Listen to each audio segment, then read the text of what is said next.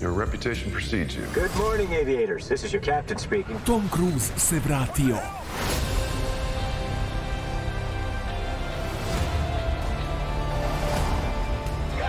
Top Gun Maverick u bioskopima od 25. maja.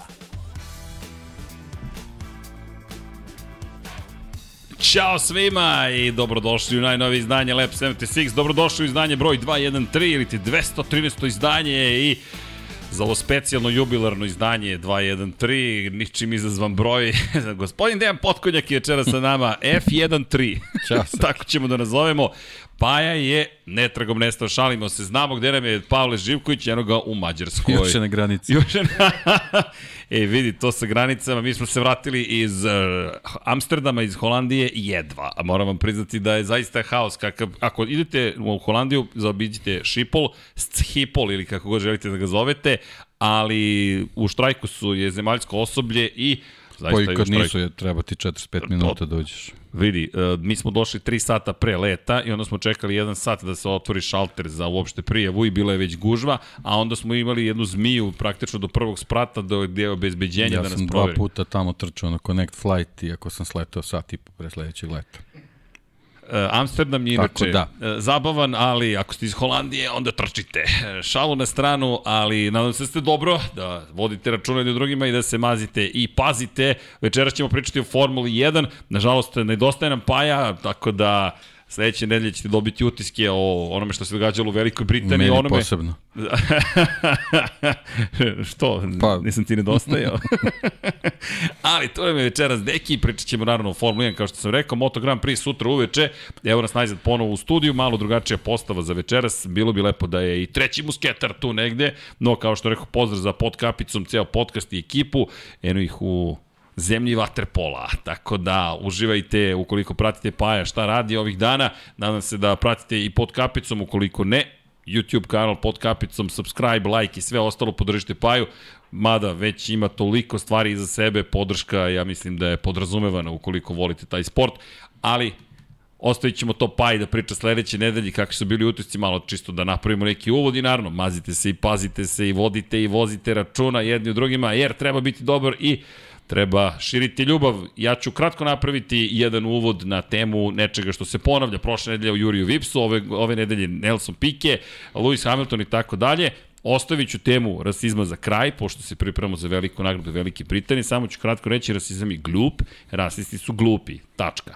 E sad, Ostatak teme sačekajte za jedno sat i po dva, i šta je ko rekao, kome, šta, kako, koliko, teme koje su, jel te, deo svakodnevnice, očigledno i deo Formule 1, evo drugu nedelju za redom, ali iz naše perspektive nešto što ćemo ipak ostaviti blago sa strane, zato što nećemo da fokus pobegne sa onoga što je ključna stvar iz perspektive trkačkog vikenda, to je velika nagrada Velike Britanije.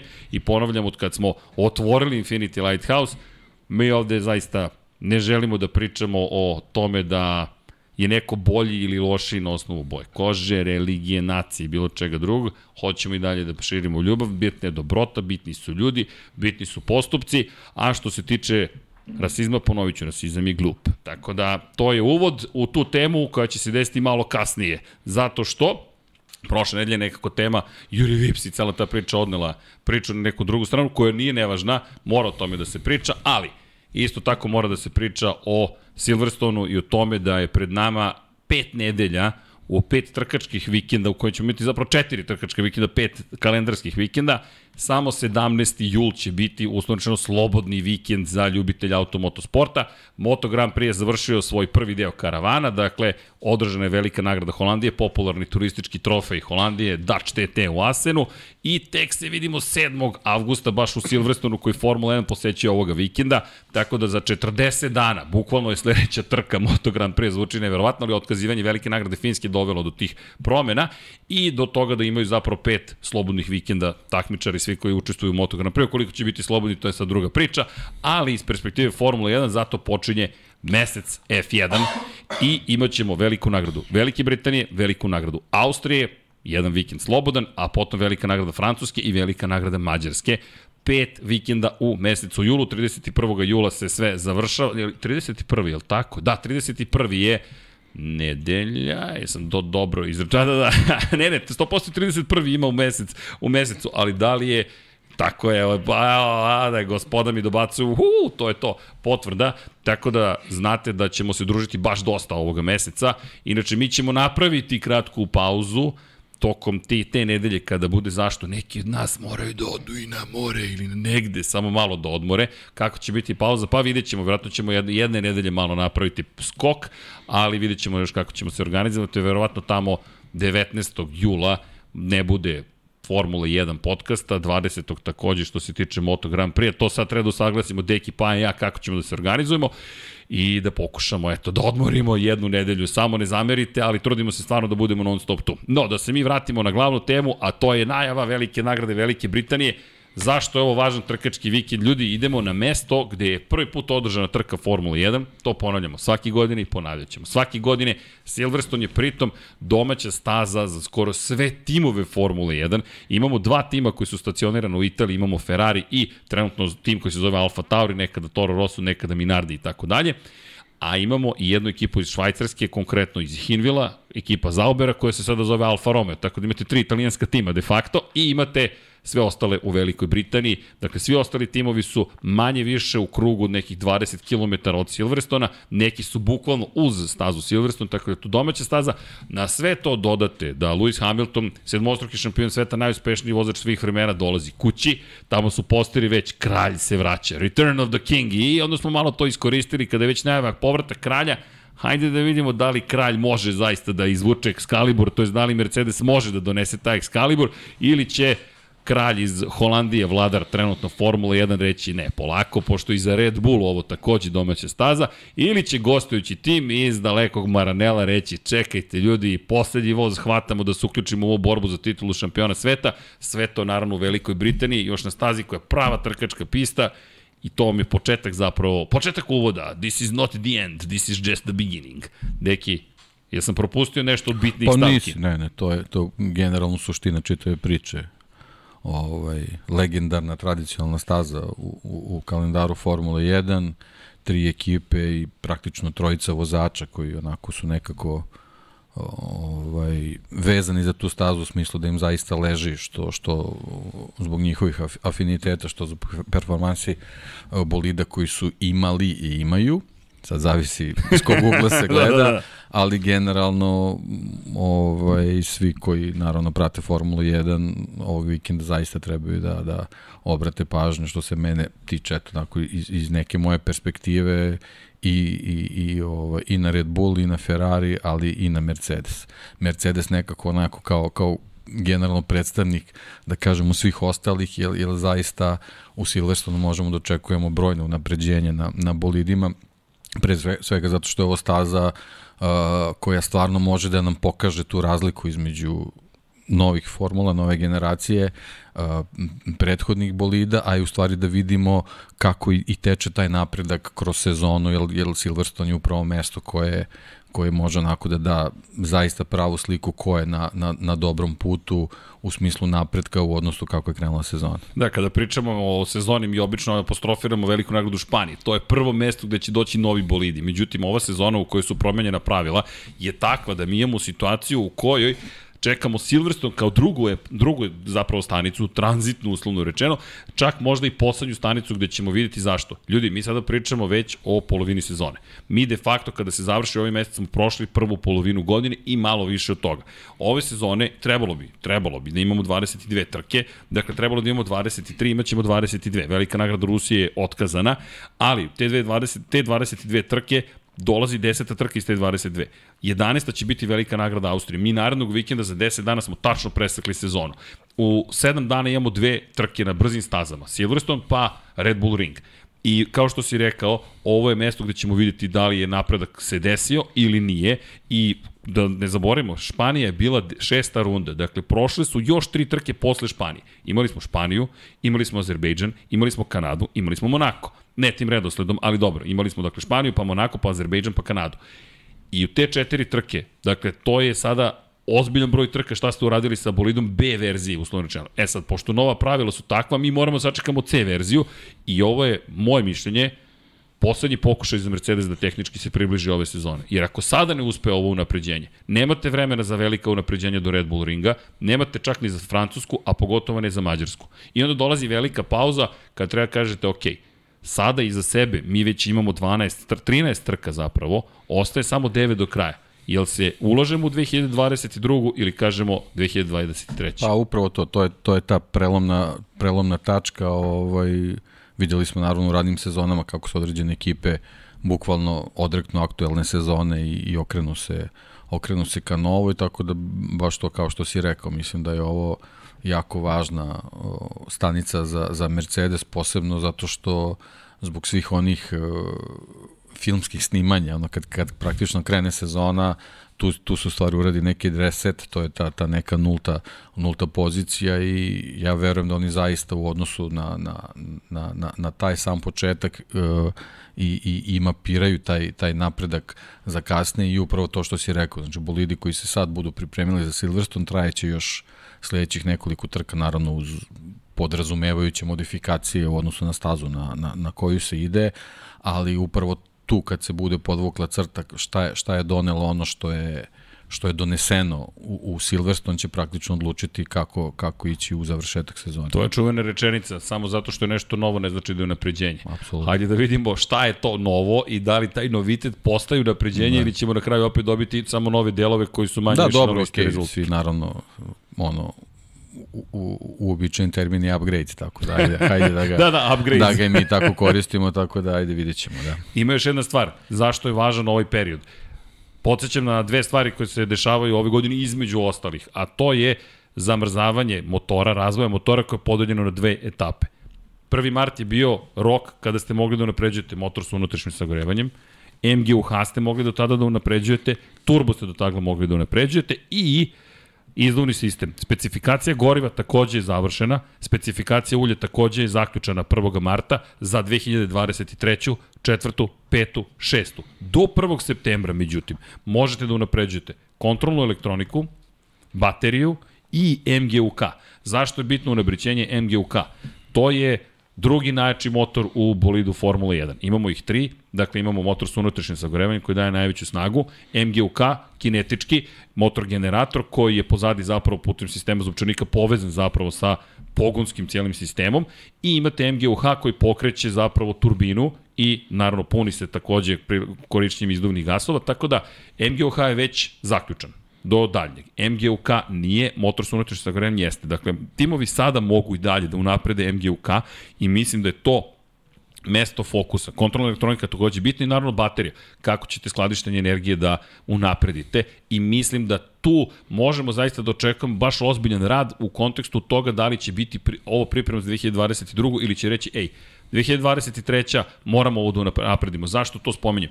Jer ako sada napravite grešku, posledice zaista mogu biti dugoročne i to nekoliko godina mogu da trpe. Trenutno je izjednačena situacija po pitanju snage motora, ali eto, to je još jedan dodatak da ga ne zaboravimo, jer nekako tu homologaciju smo ostavili daleko iza sebe. Pa jeste i taj MGUK nekako, ovaj, on je onako i, i, i očigledniji ovaj, kad, kad su u pitanju staze gde imamo neka snažna kočenja, naravno, ovaj, Videli si, videlo se u Kanadi koliko, koliko znači, to jest koliko je problem vozačima kada, kada u neku dobru situaciju uđu, uđu sa praznom baterijom, koliko je potrebno vremena da se, da se napuni, da, da uopšte dođu u priliku da, da, da pokušaju neki napad, tako da naravno sve tri, sve tri jedinice su, su bitne u, u sportu gde gde ono hiljadi tinke odlučuju tako da ovaj ne, ne treba tu sad nešto ih posebno odvajati, ali ali mislim da im je jako značajno da da MGUK u, u ovoj fazi može da da da doprinese još u nekom procentu tako da ovaj svaka svaka stavka je bitna tako da mislim mislim da će ovaj uh, da ćemo primetiti razlike ukoliko ekipe imaju još prostora da naprede taj, taj segment. To što spomenješ sada iz perspektive kočenja, dolazimo na stazu koja zapravo najmanje opterećuje kočeni tako sistem. Silverstone ga uopšte tako ne opterećuje, tako, tako da... Ali staze koje slede... Tako je, onda ide raste polako. Dakle, dolazimo u Austriju gde je na, od 1 do 5 na nivou 3, hvala pa vam. Pa da, Austrija je kreni stani, klasična tako staza, ali, ali je jako bitno u segmentu tog skupljenja kinetičke energije. Jeste, i onda dolazimo kasnije do, do, do do Paul Ricard koji je tu negde, dakle nije toliko zahtevan za, za kočeni sistem, a onda imamo Mađarsku koja je veoma zahtevna, tako da će biti interesantno to ispratiti, ali evo pogleda na Silverstone, dakle staza koja je jedna od najlepših, čak i ova nova sekcija, za nas dvojicu novija sekcija, to je za, za novije generacije, o čemu pričate momci, da. ali sektor 1 zapravo da, nije izgledao ovako. most. Da, da neko, da, definitivno. Inače, dugačka je 5891 metar, 52 kruga ćemo imati i kao što možete vidjeti, prijanjanje je na, od 1 do 5 na nivou 3, kočioni sistem opterećuje se do, do stepena 2, iako je ovo Pirelijeva informacija, Brembo smatra da je još jednostavniji za kočenje. Međutim, ako obratite, na, obratite pažnju na opterećenje guma, petica za opterećenje guma imate još jednu bitnu stvar. Dakle, uzdužno opterećenje je maksimalno. Razvoj staze je na nivou 3, šta to znači? Prijanjanje i količina gume koje se očekuje u stazi na početku i na kraju vikenda, blagi razvoj ima, nema kao na primjer na uličnim stazama 5, prijanjanje, dakle, asfalta je 4, abrazivnost je 3 i aerodinamički pritisak, to je negativni uzgon, je broj 4. Dakle, imamo jednu vrlo zahtevnu stazu za gume, za kočene sisteme manje. Nije ni čudo što je izbor standardni. C1, C2, C3, to su najtvrđe gume koje na raspolaganju Pirelli ima i kao i svaki godine gledat ćemo vrlo pažljivo kako će se gume ponašati. Međutim, utiska smo da je Pirelli toliko išao konzervativno ove sezone u želji da ne bude eksplozija koje, na koje smo navikli u Silverstonu pneumatika. Azerbejdžan mislim da je bio dobar test, da vjerujem da tu neće biti te vrste problema i da od nas opet očekuje vratno jedno stajanje sumnjam dva, jer ni ovde nema mnogo preticanja. Pa da, upravo i ovi podaci ovaj, koji se sad ovaj, pročitao upravo govori o tome, tako da sa tom konzervativnijom politikom Pirelija ja zaista mislim ako ne bude sad nekih nepredviđenih situacija da da je to to što nas očekuje manje više ovaj, vezano za, za taktiku zamene pneumatika. Što će dovesti do toga da su opet kvalifikacije kritične zapravo u celoj priči, da je subota dan kada svi gledamo i kažemo ok, ovo definiše stvari koje će se dešavati u Silverstonu. Da ne zaboravimo, u ovom momentu Max Verstappen branilac titula je na poziciji broj 1 u prvenstvu sveta, ima ubedljivu prednost. 175 bodova ima, pri čemu Max u ovih prvih 9 trka šest pobeda Dakle, dva puta je odustao u Bahreinu kvar bolida, u Australiji kvar bolida i treći bio u Monaku. Sve trke koje je završio, završio na pobedničkom postolju. S druge strane, Sergio Perez, njegov klubski kolega, je na poziciji broj 2, koji se nalazi na skoro pa dve pobede za ostatka, 129 bodova. Dakle, mi govorimo o Ali razlici... takođe sa odustajanjima. Sa, takođe sa odustajanjima, i to dva odustajanja i on ima. A opet su na prvoj i drugoj poziciji. Međutim, treća pozicija, Charles Leclerc, broj odustajanja isti, dva. 126 poena. 3 poena Sergio Perez ima više i to nas polako uvodi u priču, ali mislim da će Britanci biti mnogo važni. George Russell 111 bodova, Carlos Sainz u Ferrariju 102 poena, Charles Leclerc je vozač Ferrarija, George Russell u Mercedesu i Lewis Hamilton 77 bodova, dva plasmana na pobjedičko postoje samo, međutim ono što smo rekli, Hamilton dolazi kući. Bukvalno dolazi kući i zašto pričamo o Mercedesu, pričat ćemo i o Ferrariju, ja bih spomenuo, ne znam koga pre, Znaš, Ferrari, da li je ovo poslednja stanica? Ajmo krenemo zapravo od Red Bulla. Red Bull brani tron, to je naslov. Ja ne vidim nikakav problem za Red Bull u ovom momentu. Sergio Perez je u formi, videli smo da nema nameru da se bori za titulu, već da će jasno da bude vozač broj 2. Red Bull kao bolid sjajno funkcioniše, Max Verstappen je u jednoj izuzetnoj formi i ima sreće, čak i kada napravi kao u Španiji veliku grešku, vrata se opet nekako otvore lepo da on svoje sposobnostima iskoristi Red Bull dođe do pobjede. Pa, pričali smo mnogo puta, sreće i titule idu zajedno. Idu. Tako da to, to, se, to se dešava, ali ovaj, eto, jedina, jedini, jedini problem, ovaj, rekao si da, da bolid funkcioniše sjajno, tu je samo problem, problem vezan za, za pouzdanost, jer, jer kad pogledamo i ta, ta maksova odustajanja su se dešavala na prilično solidnim pozicijama. Tako da, da, da ovaj, to je ono što, što Red Bull mora da reši. Sad je sad veliko pitanje ovaj, taj dolazak u, u Veliku Britaniju i, i ova, da, li, da li je to za njih sad neka situacija sve ili ništa ili se tu sad malo treba igrati, malo koketirati, jer mislim da, da je jako nezgodan trenutak otkazivanje bolida Serhije Pereza u Kanadi, zbog čega ovaj, moraju malo, malo ovaj, sigurnije da pristupe trci u Velikoj Britaniji, tako da, da vidjet ćemo, vidjet ćemo već, već, već u petak kako budu tekle pripreme ovaj, moći ćemo da naslutimo kako će se pripremati u stvari za samu trku. Jer upravo to što si rekao, prednost je dovoljno velika, tako da, da oni, oni nisu ti koji moraju pretrano da rizikuju. Da, i ono što je bitno napomenuti jeste činjenica da su, kada je reč o broju motora koji su u upotrebi, oni još uvek nisu u problematičnoj situaciji. Dakle, kada pogledamo, posle, dakle, ovo je posle velike nagrade Kanade, Lewis Hamilton, George Russell su, na primjer, na broju 2 po broju motora sa unutrašnjim sagrevanjem. Turbo, MGUH, MGUK, neće ostalo toliko spominjati, pošto nije kritično, iako i tu imamo čudne situacije, pogotovo sa Ferrarijem, sa, kontrolnim, sa kontrolnom elektronikom. Max Verstappen takođe po dva motora, dakle drugi je u upotrebi, isto važi za Serhije Perez, za Charles Leclerc već na broju 4, dakle duplo više. Vidjet ćemo naravno, pošto su ubacili na u Kanadi dva nova motora, dokle će sve to trajati. Carlos Sainz, tri motora sa unutrašnjim sagorevanjem, dva MGUK, dva MGUH, tri su dozvoljena po sezoni.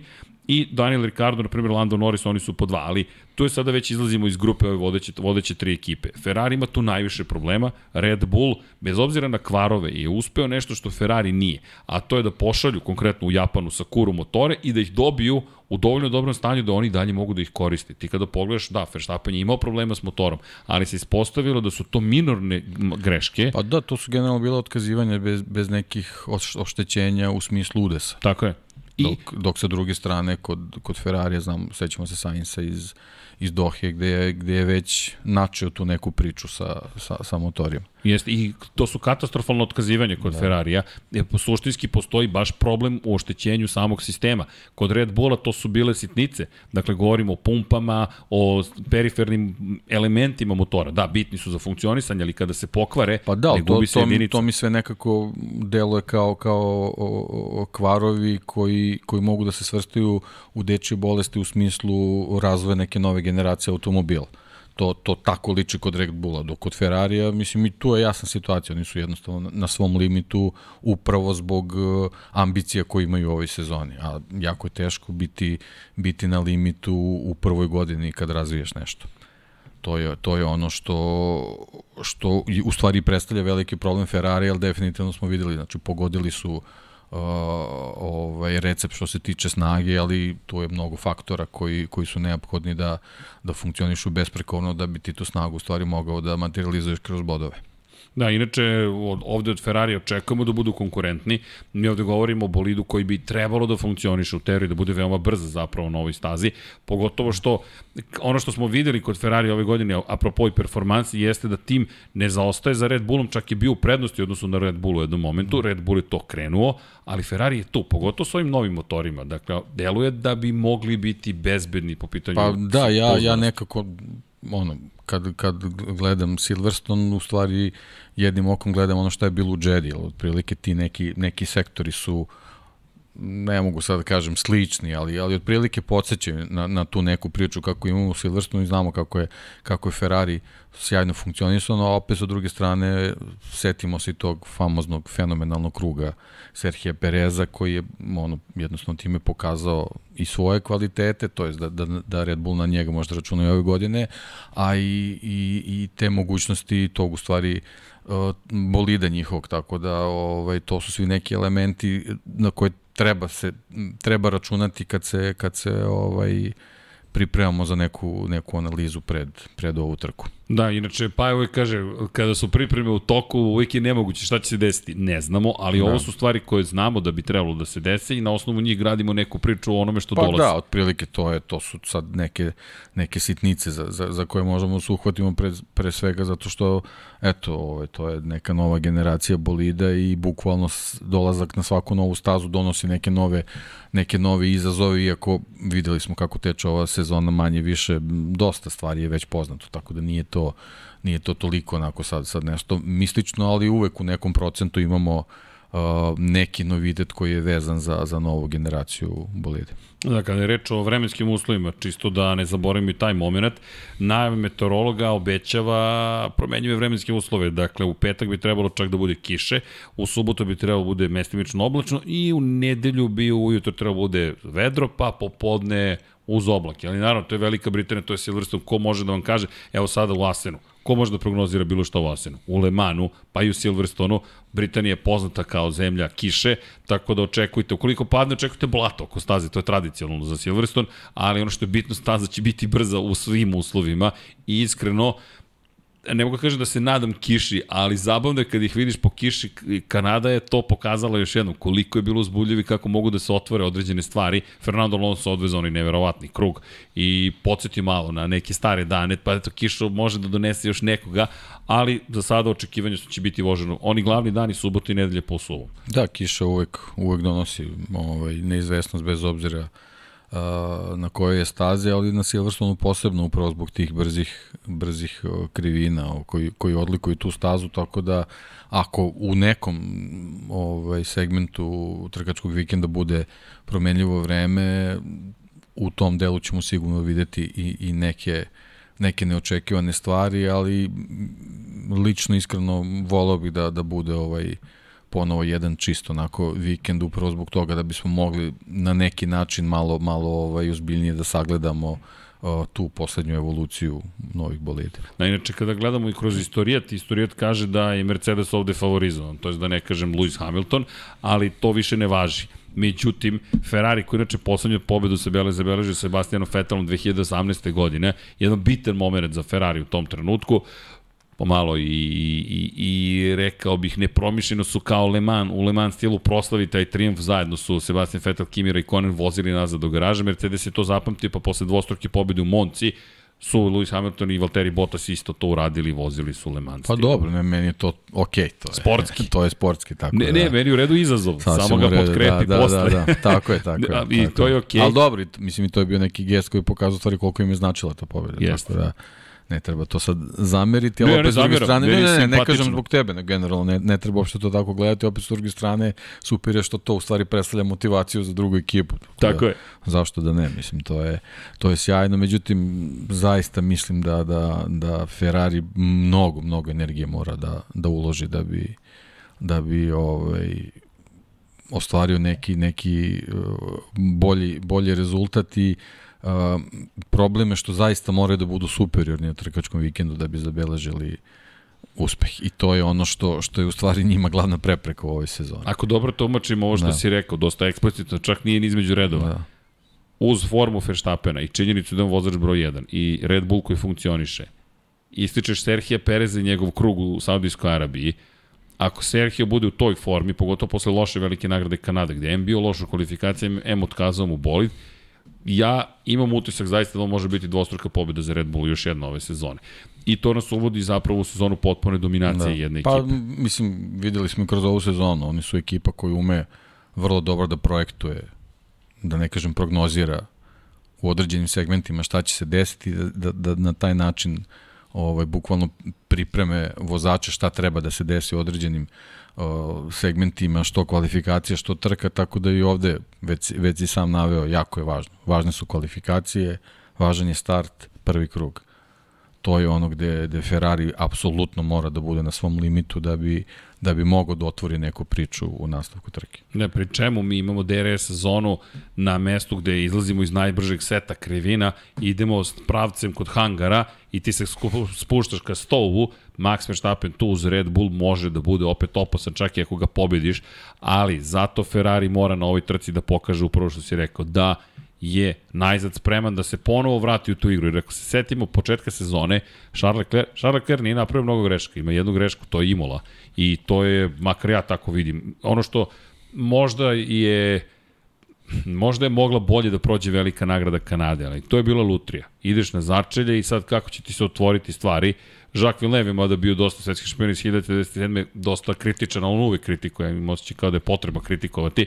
Rekao da je Leclerc uradio dosta, ali ne dovoljno, da je morao da bude bolji od Mercedesa što nas negdje dovodi do Mercedesa u kontekstu, ajmo prvo Ferrari, da li misliš da je Leclerc mogao više od onoga u Kanadi? Ja ne vidim da je mogao mnogo više od onoga što je postigao. Pa ne verujem da, ne verujem da je mogao mnogo, mnogo više osim te neke možda agresivnije ovaj, strategije, ali videli smo da to generalno ne prolazi preterano. Ferrari je pritom pogrešio. Tako je, upravo Ko to, to sam je. htio da kažem. Jednostavno, to, to nisu stvari koje mogu da se pripišu nekoj njegove grešci ili, ili nekoj njegovoj neagresivnosti ne znam čemu. Leclerc je ove godine stvarno pokazao da je da je, da je sve kompletniji vozač, mislim, jako je, jako je blizu svo, svog, svog nekog onako uh, zenita i sad je najvažnije da ekipa može da isprati sve te njegove mogućnosti i, i, i njegove ambicije. On, on u jednom trenutku kad dođe na svoj maksimum, ja sam uveren da, da će nekoliko sezona stvarno moći da, da, da, da bude na, na vrhunskom nivou, ali mnogo je važno da, da iza sebe ima,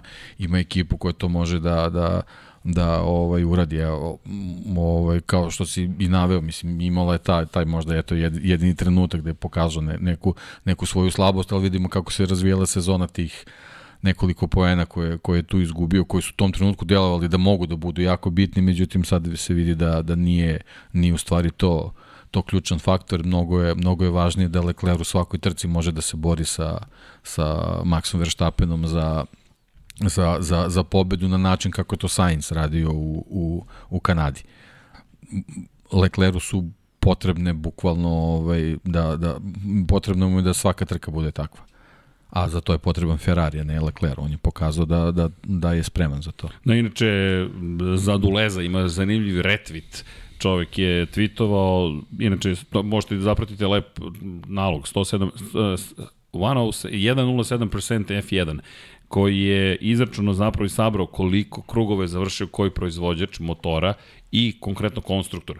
Na prve četiri pozicije su svi vozači, to je korisnici Mercedesa. Mercedes 1071 krug, McLaren 1037 krugova, 1024 Aston Martin, 1007 Williams, Zatim dolazi Alpina sa Renault, 997. Znači, klub 1000 je Mercedes. Klub 1000 je Mercedes, bukvalno. I onda dolaziš do sledećih, 985 Red Bull, 968 Alfa Tauri, i onda Alfa Romeo, 938, Haas, 857 i deseta ili ti poslednja ekipa Ferrari sa 840 krugova.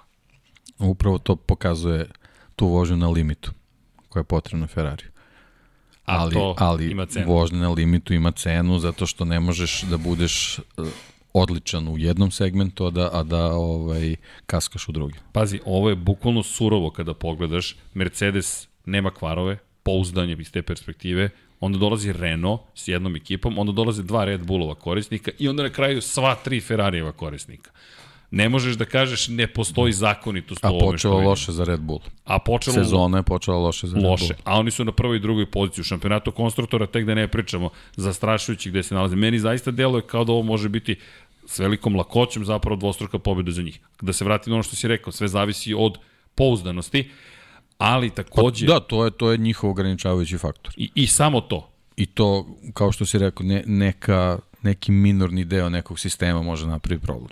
Ali to je, to je ovaj, ta njihova faza razvoja i usavršavanja tog bolida. Na duge staze te to Tako vrlo je. malo košta. Tako je. A dok dođeš do perioda da ćeš eventualno uvesti četvrti motor u priču, mogao bi da imaš da. toliku prednost da zapravo je gotovo nemoguće sustići i ono što da. je za njih luksuz, ti možeš da izabereš na kojoj stazi to da uradiš. Tako je, a sećaš se prošle godine posle Silverstonenog udesa, Maxovog već smo počeli da pričamo o broju Tako motora je. za Red Bull. I na kraju se ispostavilo da to igralo veliku ulogu. Veliku ulogu. Veliku. Da. Mercedes je imao slične probleme, pa je u Mercedes morao u Brazilu Hamiltonu da da novi motor što on pretvorio da. u ako, znači ako, ako poredimo, ako poredimo sa prošlom sezonom i, i, i borbom Mercedesa i Red Bulla, vezano za, za potrošnju agregata, Ferrari je sad u mnogo lošoj poziciji od bilo koje ekipe prošle godine koja, koja je bila u borbi za titulu. A treba da se bore za titulu šampiona da, sveta i dalje. Ima još mnogo da se vozi. Zanimljivo je izjavu dao Niko Rosberg, čovjek koji vrlo dobro poznaje okolnosti u Mercedesu, čovjek koji je bio šampion sveta 2016. godine, pored Luisa Hamiltona u toj istoj ekipi,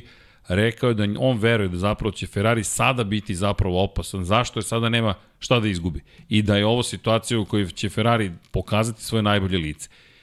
Ja sam skeptičan. Zašto? Ne vidim da Ferrari ima taj kapacitet u ovom momentu da napravi taj iskorak koji Rosberg predviđa. Ne vidim ga prosto, voleo bih da grešim i mislio sam, bio sam ubeđen da je najzad to ta sezona u kojoj će moći da budu konkurentni do kraja. Zašto kažem najzad? Ljudi, potreban je konkurentan Ferrari. Nije bitno ko će da osvoji titulu, ali je potrebno da bude konkurentan. Mi to u situaciju opet čekamo. i čekamo, i čekamo, i čekamo, pri čemu, pošto dobijamo polako dominaciju jedne ekipe, tražimo spasioca. Ko će sada da se suprotstavi Red Bullu i rekao sam pre par nedelja, nedostaje mi Lewis Hamilton i zaista mi nedostaje. Zašto? Zato što Ferrari, nažalost, ponovo pokazuje da ne može to da izvede. Još uvek. Da, uverljivost je u stvari ključan termin koji nam treba kod Ferrarija. Oni moraju da nas uvere Da mogu. da mogu to. Ne, ne sme da postoji senka sumnje pred start svake trke. A postoji. stvari, a postoji. A postoji. I sad Eto, se već je, pitamo. To je, to je taj, mislim, kad krećeš u trku, da li, da li razmišljaš da će neki od Red Bullova da, da odustane? Iako se to dešava. Pa ne. Jednostavno ne razmišljaš. E, Ne. To je u stvari taj problem. Znači, potrebna je ta uverljivost da, da pređe na stranu Ferrarija, da bismo mogli da ih ozbiljnije računamo u toj trci, iako bi na, apsolutno voleli da se to desi. Mislim, ne, nije, nije sporno, mislim, mogu čak da pričam i u tvoje ime. Znači, Apsolutno. apsolutno nam je potrebno da Ferrari bude na tom nivou. Apsolutno. I pazi, ono što je dodatni problem, da li su te uverili kad imaju vodeće dve startne pozicije da će pobediti? Da. Ne. Miami, Monako, birajte koju trku želite. I vi opet imamo situaciju u Da, kojoj... ako, ako nije odustajanje, to jest neki, mislim, ozbiljan kvar, kakvi se njima dešavaju, onda su to 3-4 sekunde koje izgubiš u, u boksu, koji ti remete strategiju potpuno i tako dalje. Zaista su redke greške vozača. Imali smo taj, taj, taj, taj, tu neku mini crnu seriju Carlosa Sainza na početku sezone, imali smo uh, Lecler, Leclerovu grešku ovaj, u, u Imoli, ali generalno na, na samim trkama njih dvojica u poslednje vreme isporučuju u principu sve što treba. čak, čak eto imali smo te neke komunikacije gde su vozači bolje reagovali od, od ekipe u boksu, uh, mereći trenutnu poziciju i strategiju koja treba da se, da se donese, tako da njima nema šta puno da se zameri. Osim što nam je svima zajedno, uključujući vozačima, potrebno da nas Ferrari uveri da može da isporuči bolid koji će stići do kraja trke na vrhunskom nivou. Sedam pobjeda za Red Bull. Mercedesi stižu do kraja. Uh, Mislim, na Pa motore, evo, ču- ali nije, rekao? to, Klub nije to 1000. vrhunski nivo. Da, da, da. Sjajan naziv, klub da, 1000, to su Mercedesovi korisnici. I, I sada imaš situaciju u kojoj je sedam pobjeda za Red Bull, dve za Ferrari. I sad samo se nižu pobjede za Red Bull. Ferrari nije slabio od Australije. Ljudi, kad beše da. Australija, ko se toga još seća? Pritom, to je bilo odustajanje Max Verstappen. Tako je. Bukvalno, možda je moglo i drugačije Možda da bude, moglo da ne bude, znamo. to nikad nećemo Tako saznati. je. U Bahreinu delovalo da su već pobeđeni, ali opet, bez obzira na sve to, to su vredni poeni u kontekstu šampionata, ali dobro, i Lecler je dva puta gubio poen. Sad su po tom pitanju na, na nuli, ali za ostatak Charles Leclera je 49 poena.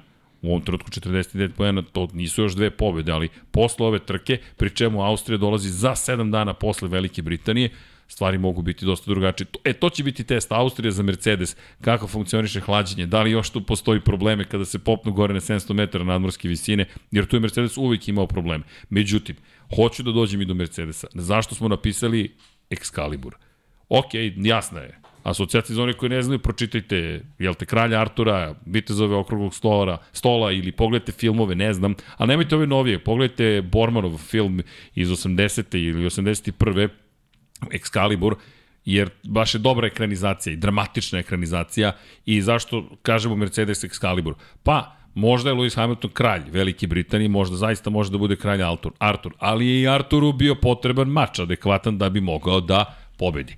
U ovom momentu Mercedes bolje deluje u rukama Đorđa Russella nego što deluje Luisa Hamiltona, međutim, ovo je ona trka kojoj Paja često priča, situacija u kojoj je ulog mnogo velik. I u tim situacijama obično Lewis Hamilton i njegova najbolja verzija isplivaju i pokažu se. A ovo je mesto koje njemu mnogo znači. Da. A i opet sa druge strane sad razmišljam kad smo imali dva Britanca u, u istom oružju kad Pa, je to bilo tako to je bilo to je bilo neki oružju. neki McLaren sa nekim batonom i Ali nije čak ni da, ali- bio da, toliko to nije, moćan. Da, nije bilo toliko Nije zvučan bio, Da, ajde. da, Sada da, opet da, nije da. moćan, ali imali smo nije preterano Button, moćan, ali u uzletu. Tako je. Ali To je da. ono što je dovoljno Britancima. A znaš šta je zanimljivo? Poslednji put kada smo imali Britanca u kokpitu u kojem je i Lewis Hamilton, Hamilton je pretrpeo poraz protiv klubskog kolege. Jenson Button je jedan od je, dvojice ljudi to mi je palo na pamet, koji su ga nisam pobedili. da ukačem godinu. Da, da, da. 2012. godine. Tako bilo, da. Tako je. Da. 2011. nije, ali znam da je jedna od sezona kada su bili zajedno da, da, da ga je pobedio.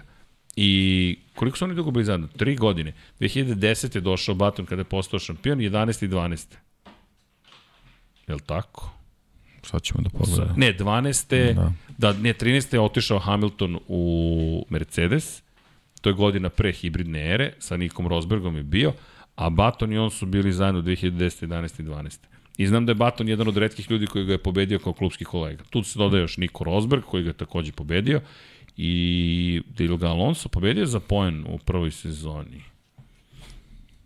Hm. Mislim da ga čak ni Alonso Pa nije dobro, pobedio. da, ali pričamo o retko se- Silverstonu o Pričamo i o, da, da, da. o. Britancima. Da. Možda, eto, tu možda postoji nešto, neka zakonitost da. koju si našao. U svakom slučaju, kada pričamo o Velikoj Britaniji, Mercedes zaista mislim da mu se sve poklapa da ovo bude taj trenutak. I kalendarski, dakle ono što si rekao, ej, Silverstone je bitna stanica, dakle, ajmo ovako, prvo, konfiguracija staze. Ovo ti je bitan test. Drugo, kalendarski, to je to, polovina je sezone, počinje najzahtevniji mesec za Formulu 1 ove godine i treće, emotivno gledano, da. ako ti ovde možeš, pre čemu ti je fabrika vrlo blizu, da. ne jedna, i, i, i, i tvoj high performance je tu, blizu, tu ti je takođe fabrika za šasije, ti ako možeš tu da pobediš na terenu Luisa Hamiltona, još nešto sa Georgeom Russellom da učiniš, to ti je, to ti je moralni onaj da. Da. podstrek koji ti je potreban pred odlazak u Austriju na stazu koja se zove Red Bull Ring. Dakle, bitan moment. Da, da, baš, baš, baš bitna, bitan moment i naravno, mislim, već, već smo ponovili, ali, ali ajde, eto, da kažemo još jednom Silverstone staza gde imaš uh, dva, dva sektora sa spletom sporih krivina, imaš, da, da ne pričamo o, o, o, o slavnim splav, slavnom spletu brzih krivina, imaš dugački pravac, a da ne pričamo, znači, za neke karakteristike koji su vezane za bolide, da, da ne pričamo o fizičkom naporu koji, koji donosi vozačima, tako da stvarno je ovaj ozbiljan izazov i, i, i staza gde eto i sam si naveo koliko je ekipa tu blizu, koliko je svima njima bitno da, da se pokažu na stazi koju poznaju, jer tu što se njih tiče nema tu puno izgovora.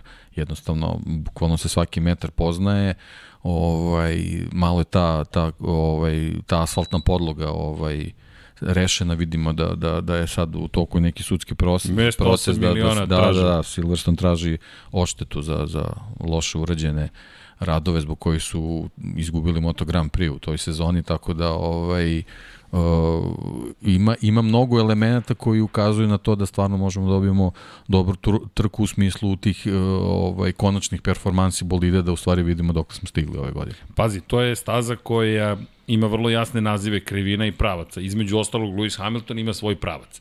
Startno ciljni pravac je Hamiltonov pravac. Po Lewisu Hamiltonu, dakle ne po nekom drugom.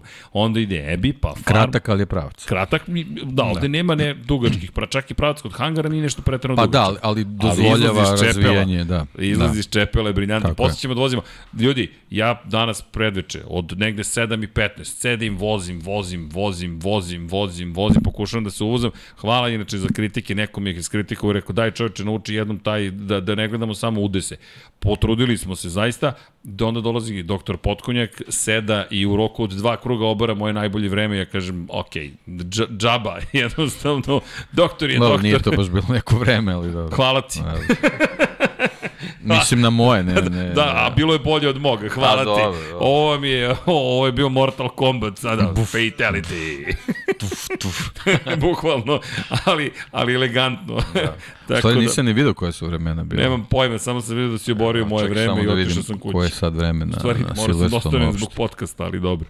De, deki, u, mo, u moju odbranu, Deki vozi često. To je vađenje, vanje. Brembo, polako Vanja, doći ćemo mi na tamo, doći ćemo tamo bez brige, Vanja ima spremno ceo, ceo scenariju, a mi mu ga uvek razbijemo. Ali, apropo staze, Ovo je staza koja je kultna staza. Inače, festival brzine Goodwood nije slučajno sedam dana pre velike nagrade Velike Britanije. Ovo je veliki trkački događaj u zemlji koja poštuje svoju tradiciju i koja zaista obožava sve vidove trkanja. Pretpostavljam da se video Goodwood, sutra ćemo tek da Apsolutno, komentarišemo da. Wayne Renija, mada želim tvoj komentar na par stvari koje su se desile čisto da ubacimo celu priču, ali to ćemo da ostavimo za malo kasnije da ne pobegnemo Mercedesa i hiperautomobili, Red Bullovi, Porschei, u, tamo se sprema opšte da. ludilo. Samo da završimo Mercedes, pa ću to da ubacim. Zašto? Zato što mislim da je bitno da se pozabavimo Mercedesom. Mercedes priprema ozbiljno unapređenje za ovu stazu. Dakle, priprema unapređenje koje bi trebalo da reši novi problem koji se pojavio. Pričali smo o To smo baš komentarisali da je neko potpisao u nekim vestima aerodinamičko poskakivanje. Ako se gledamo, čekaj, čekaj, čekaj, kada se desilo da je to samo aerodinamičko poskakivanje. I u tom duhu postoje sada poskakivanje koje je podeljeno na dva elementa, dva faktora aerodinamičko poskakivanje i mehaničko poskakivanje. Isto kao aerodinamičko prijanjanje i mehaničko prijanjanje. Da objasnimo, pri nižim brzinama, pogotovo mehaničko prijanjanje igra kritičnu ulogu. Aerodinamika počinje da funkcioniše kako se prelaze brzine od 100 km na čas, 150 i naviše. Inače, iz perspektive aeroinženjera, ovo su sve niske brzine.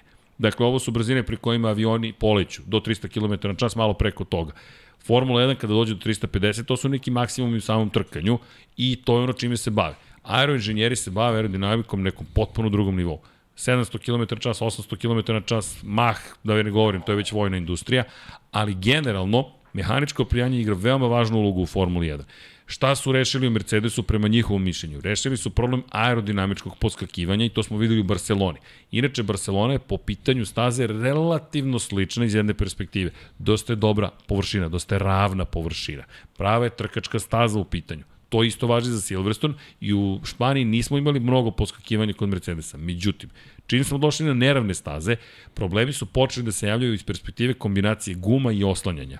To je ono što je Red Bull čini se najbolje rešio. Dakle, opet, da ne govorimo o ne newtonovskim fluidima, ali čini se da je Adrian Newey glavni čovek u razvoju Red Bullovog bolida i legenda ovoga sporta, to izveo kao rešenje. Opet iz LMP1 još kategorije sada hiperautomobili stižu, ali je point da Mercedes sada pokušava da reši problem mehaničkog poskakivanja. Ukoliko uspeju i to da učine. Ako pogledate, čak i u Kanadi i tempo u određenim momenta što George Russella, što Luisa Hamiltona, Mercedes uopšte nije delovao loše. Kada na to dodate ovu izdržljivost koju posjeduje Mercedes kao proizvođač motora, kada na to dodate da analiza pokazuje da Mercedes uopšte nema loš motor, dakle da nije za ostatak toliki koliki se čini na početku, dođemo do toga da ukoliko ovde reše probleme, reči Tota Wolfa, šefa Mercedesa, da žele pobedu, nisu potpuno besmislene. Mislim da i dalje moraju mnogo velik put da preođu do Red Bulla. Da li mogu protiv Ferrarija? Pa videli smo već u Kanadi da ukoliko Ferrari ima probleme, to može da iskoristi Mercedes. Međutim, mislim da će prva stanica za Mercedes biti da pokušaju da pobede Ferrari i da tu može da pomogne uslovno rečeno Excalibur, to je da W13, oznaka ovogodišnjeg bolida, dobije unapređenje koje može da učini Mercedes konkurentnim u naredne četiri trke pre svega. Jer ukoliko u Austriji, to je prvo u Silverstonu, pa u Austriji, a potom u Paul Ricardu i na Hungaroringu, Mercedes ne bude konkurentan. Ja deki ne vidim nikakvog smisla da ulažeš više bilo šta od resursa u razvoj bolida za ovu godinu. Ti si već na duboko ušao u drugu polovinu sezone, čemu? Jedino ukoliko će ti pomoći zaista da bude osnova za 2023. Pa da, kao, kao neka, neki test automobil za, za razvoj sledeće sezone. To je jednostavno tako, posebno što sledeće godine neće biti nekih spektakularnih promena, tako da zašto da ne, može, može i na taj način se gleda, ovaj, naravno tu, tu su više ti, ti ograničeni u budžetu generalno problem nego, nego neke druge stvari, ali upravo to kao što si rekao, od, od, bukvalno od, od od Silverstona pa nadalje je, je i, i za inženjere Mercedesa jako važan period da se vidi u stvari da li su, da li su na dobrom putu. Ovo je, da kažete, ovo je možda i test poslednji njihovog sistema za ovog bez zapravo bočnih otvora, od kojih oni uprvo ne odustaju. I veruju da je to magični taj, zato sam upotrebio termin Excalibur, i, i, jer šta je Excalibur? Bukvalno to je magični mač. Dakle, to nije bilo koji mač. Ali on ti izgleda kao mač u kamenu, dok ga prava osoba ne izvuče kamenu. Sad ne znam da li je to Hamilton ili će to biti neko drugi. Ma to su neki inženjeri. Tako Meni je. pre, premi inženjer neki. Ovaj. Da. Pa da, dobro, vidjet ću, mislim, ja, on, prema nekim najavama ovaj, tu, tu ima dosta tih nekih aerodinamičkih elemenata koji će se pojaviti u Silverstonu, sad naravno prednje, zadnje krilo, pod, ko zna šta tu sve, sve još može ovaj, da, da, se, da se promeni, ali generalno ovaj, ne samo ova trka, nego, nego ta, ta sledeća serija koja nas očekuje će biti bitna da se, da se zbirno u stvari sagleda kakvi su kapaciteti tog bolida. Silverstone je samo jedna stanica ali bitna zato što što ovaj imaju neke parametre koji prema Silverstonu mogu da se da se odrede. I, I iz te perspektive e, jedva čekam da vidim zaista da li je Mercedes nešto učinio ili nije. Jer ukoliko se i Mercedes pojavi, vraćam se na početak priče, onda dominacija jedne ekipe možda može biti do nekle poremećena, jer trenutno ne vidim da će jedan tim da pobedi Red Bull, ali Ferrari i Mercedes kao prethodnih godina, što je Mercedes stavio na vrhu, pa ga povremeno juri Red Bull, povremeno juri Ferrari, možda mogu da utiču na to da stvari postanu mnogo zanimljivije. Da li će se otvoriti bitka za titulu šampiona sveta? Ej, ljudi, sve je moguće, pogotovo da je što je rekao, naravno. otkazivanje još jedno da. za Red Bull može biti zaista Da, katastrofalno. da, da. Da. Jer ukoliko to iskoristi Leclerc, mi imamo opet otvorenu bitku za titulu šampiona sveta. Tako je, A videli tako smo je. Moto Grand Prix, greške su i tekako moguće. Dakle, ništa nije završeno još uvek. Tako da ovo baš bitan period sezone. I još kažem, pride, da, Silverstone, ja deki mislim da će imati rekordnu, rekordan broj publika. Ako pogledamo 300.000 ljudi, 250.000 ljudi, Miami, Barcelona, Pri čemu Barcelona nikada nije bilo tradicionalno mesto za Formula 1. Jedno četvrt miliona ljudi je došlo u tri dana. Šta će se desiti kad odemo u Silverstone? Sada, dok je još Lewis Hamilton u celoj priči u nekom problematičnom Ne, momentu. u super smo i sezoni zato što em što se ljudi uželeli nekih ovaj e, sportskih predstava bez ograničenja, dok sa druge strane imamo praktično tri pozivnice. Imamo pozivnicu za, za ljude koji simpatišu Red Bull i njihove vozače, imamo pozivnicu za Mercedes, naravno i vozače koji su ovaj, u toj ekipi, to naravno varira od- sezone do, od staze do staze, a i na kraju ono što je najvažnije, što, što je šla- šlag na toj torti, imamo taj Ferrari koji se konačno probudio i tu se probudila ogromna armija navijača koja konačno želi da dolazi na staze da, da vidi pobede svojih vozača u seriji. Tako da to, to su elementi koji, koji drže ovu sezonu i bukvalno nas nose od trke do trke. I kada pričamo o tome kako nas nose zapravo, nećemo zaboraviti ni ostale timove. Vratit ćemo se na priču o hiperautomobilima, ali za McLaren takođe velika trka. McLaren, Lando Norris, još jedan Britanac, Lando Norris pritom je sedmi u šampionatu sveta, 27 samo pojena iza Luisa Hamiltona. Kada pogledaš sezona, deluje tako loše za Landa Norrisa. Da, bilo je zdravstvenih problema. Tako je. tehničkih, naravno, na početku godine, McLaren se nije baš to najbolje snašao u toj čitoj priči, ali tu se polako konsoliduje priča i ovaj, mislim da, da, da, da Landa, od Landa možemo da, da, da očekujemo uh, nešto više u Silverstonu ukoliko se ukaže prilika, naravno, no, ponovo mnogo je faktora tu, tako da ovaj, ali generalno za, kao i za svakog Britanca ne treba tu nešto mnogo motivacije. A pazi, tri Britanca u vodećih da. sedam u šampionatu. Lepa je priča i naravno da će biti vrlo agresivni, verujemo McLarenu, da će želeti prosto da ponude Landu Norrisu pre svega, naravno i Danielu Ricardu što je bolji mogući bolid. Pri čemu opet malo je misteriozan taj McLaren na prethodnoj trci u Kanadi. Misteriozan je Ricardo. Dobro, Ricardo, da. Da. šta ćemo sa Danielom Ricardo? Ajde kada ga već spominjemo. Dve samo završene trke među osvajačima poena, šesto, jedno i jedno osmo mesto. Ima ugovor do kraja sledeće godine. Da.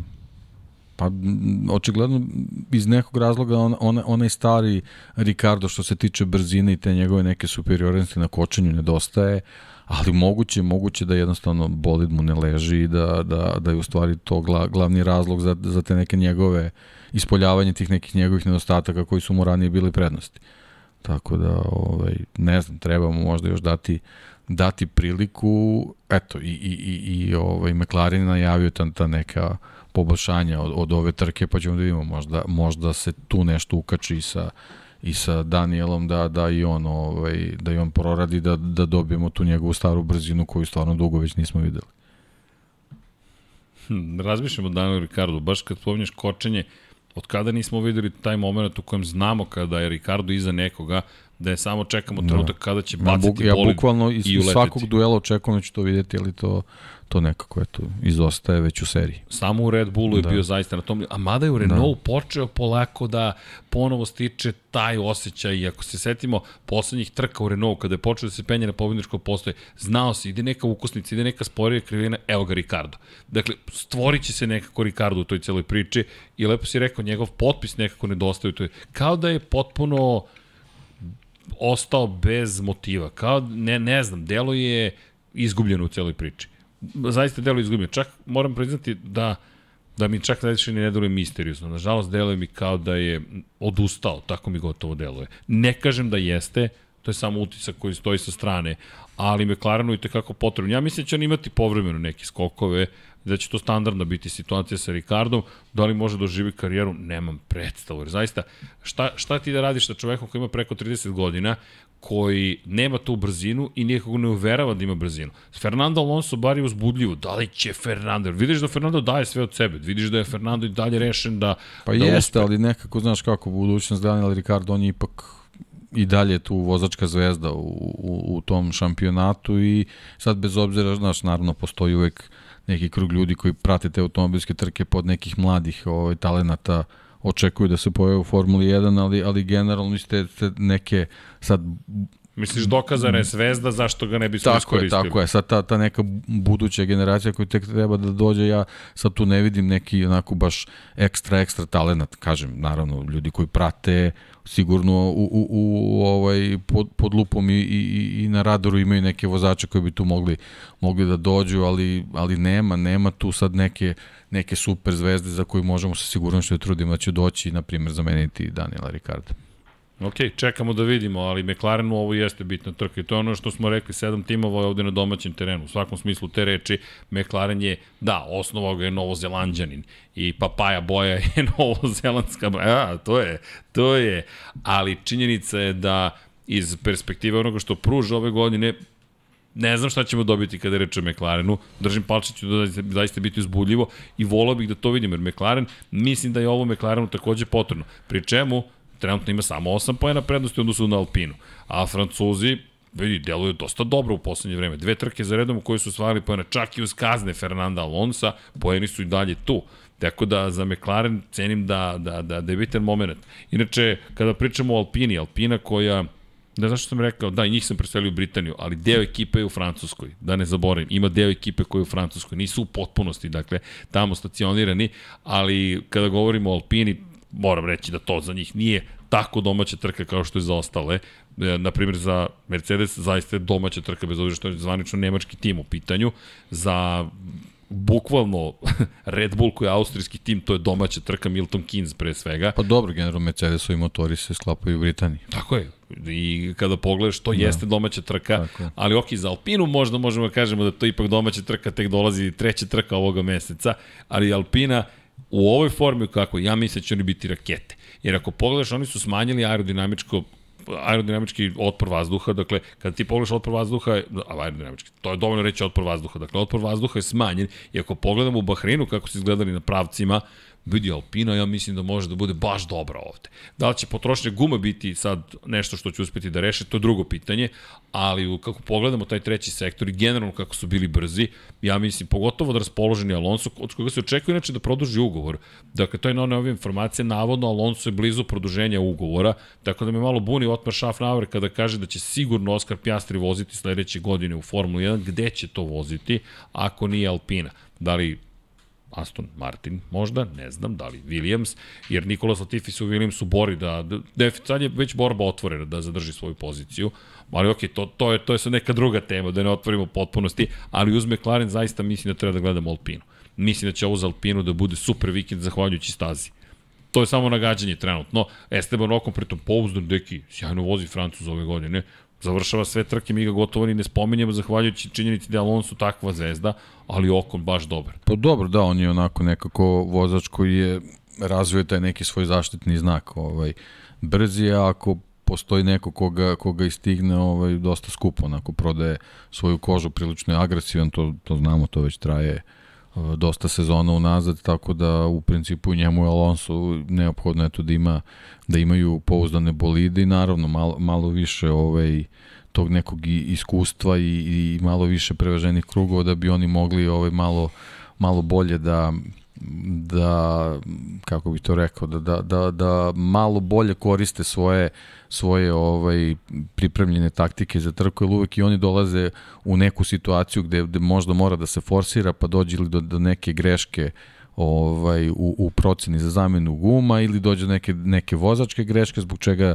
usledi kazna i onda se jednostavno ta situacija ne, ne iskoristi, ali mislim da, da može ove sezone da dođe neka trka, trka gde će stvarno biti dobri kao što je bilo, kao što se eto dešavalo i, i prošle godine, tako da ovaj, treba, treba gledati ovaj, u njih u, na Silverstone. Meni to deluje zaista kao tim na koji treba obratiti pažnju. Ne znam, to mi neki samo osjećaj da će Alpina ovde baš biti onako munjevita, otrovna, da će baš biti dobra.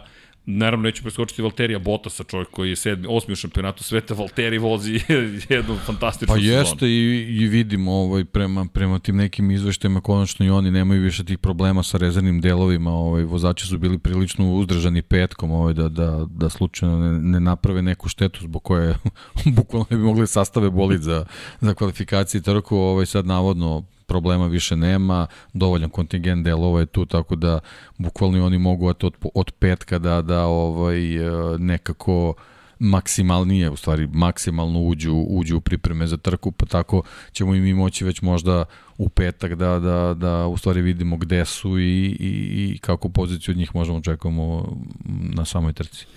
Čekamo u svakom slučaju, lepo si rekao petak, pa ja se već šalim od Valtteri, sam je rekao ja petkom ne moram, dolazim na stazu Pa, manje više. upravo eto, to, to su bili ti razlozi, oni su stvarno ono, bukvalno pazili, naravno petak koji je dan za, za, za proveravanje limita između ostalog, jednostavno za njih je to bilo precrtano. Da, petkom inače Tako da. stavite stari motor Tako je. i onda jurite granicu svega, Tako, je. guma, u nekom šasije, trenutku, svega. tako je, tako, je. Za njih taj trenutak nije postojao. I onda Valtteri, Da. kada ovo pogleda šta je ostvario još sedma pozicija u Kanadi, da, bio je peti ove godine u, u Imoli, ali sedma pozicija je deki opet jedan rezultat. Go- mi govorimo o tome da čovjek stalno osvaja poene, to je šest poena.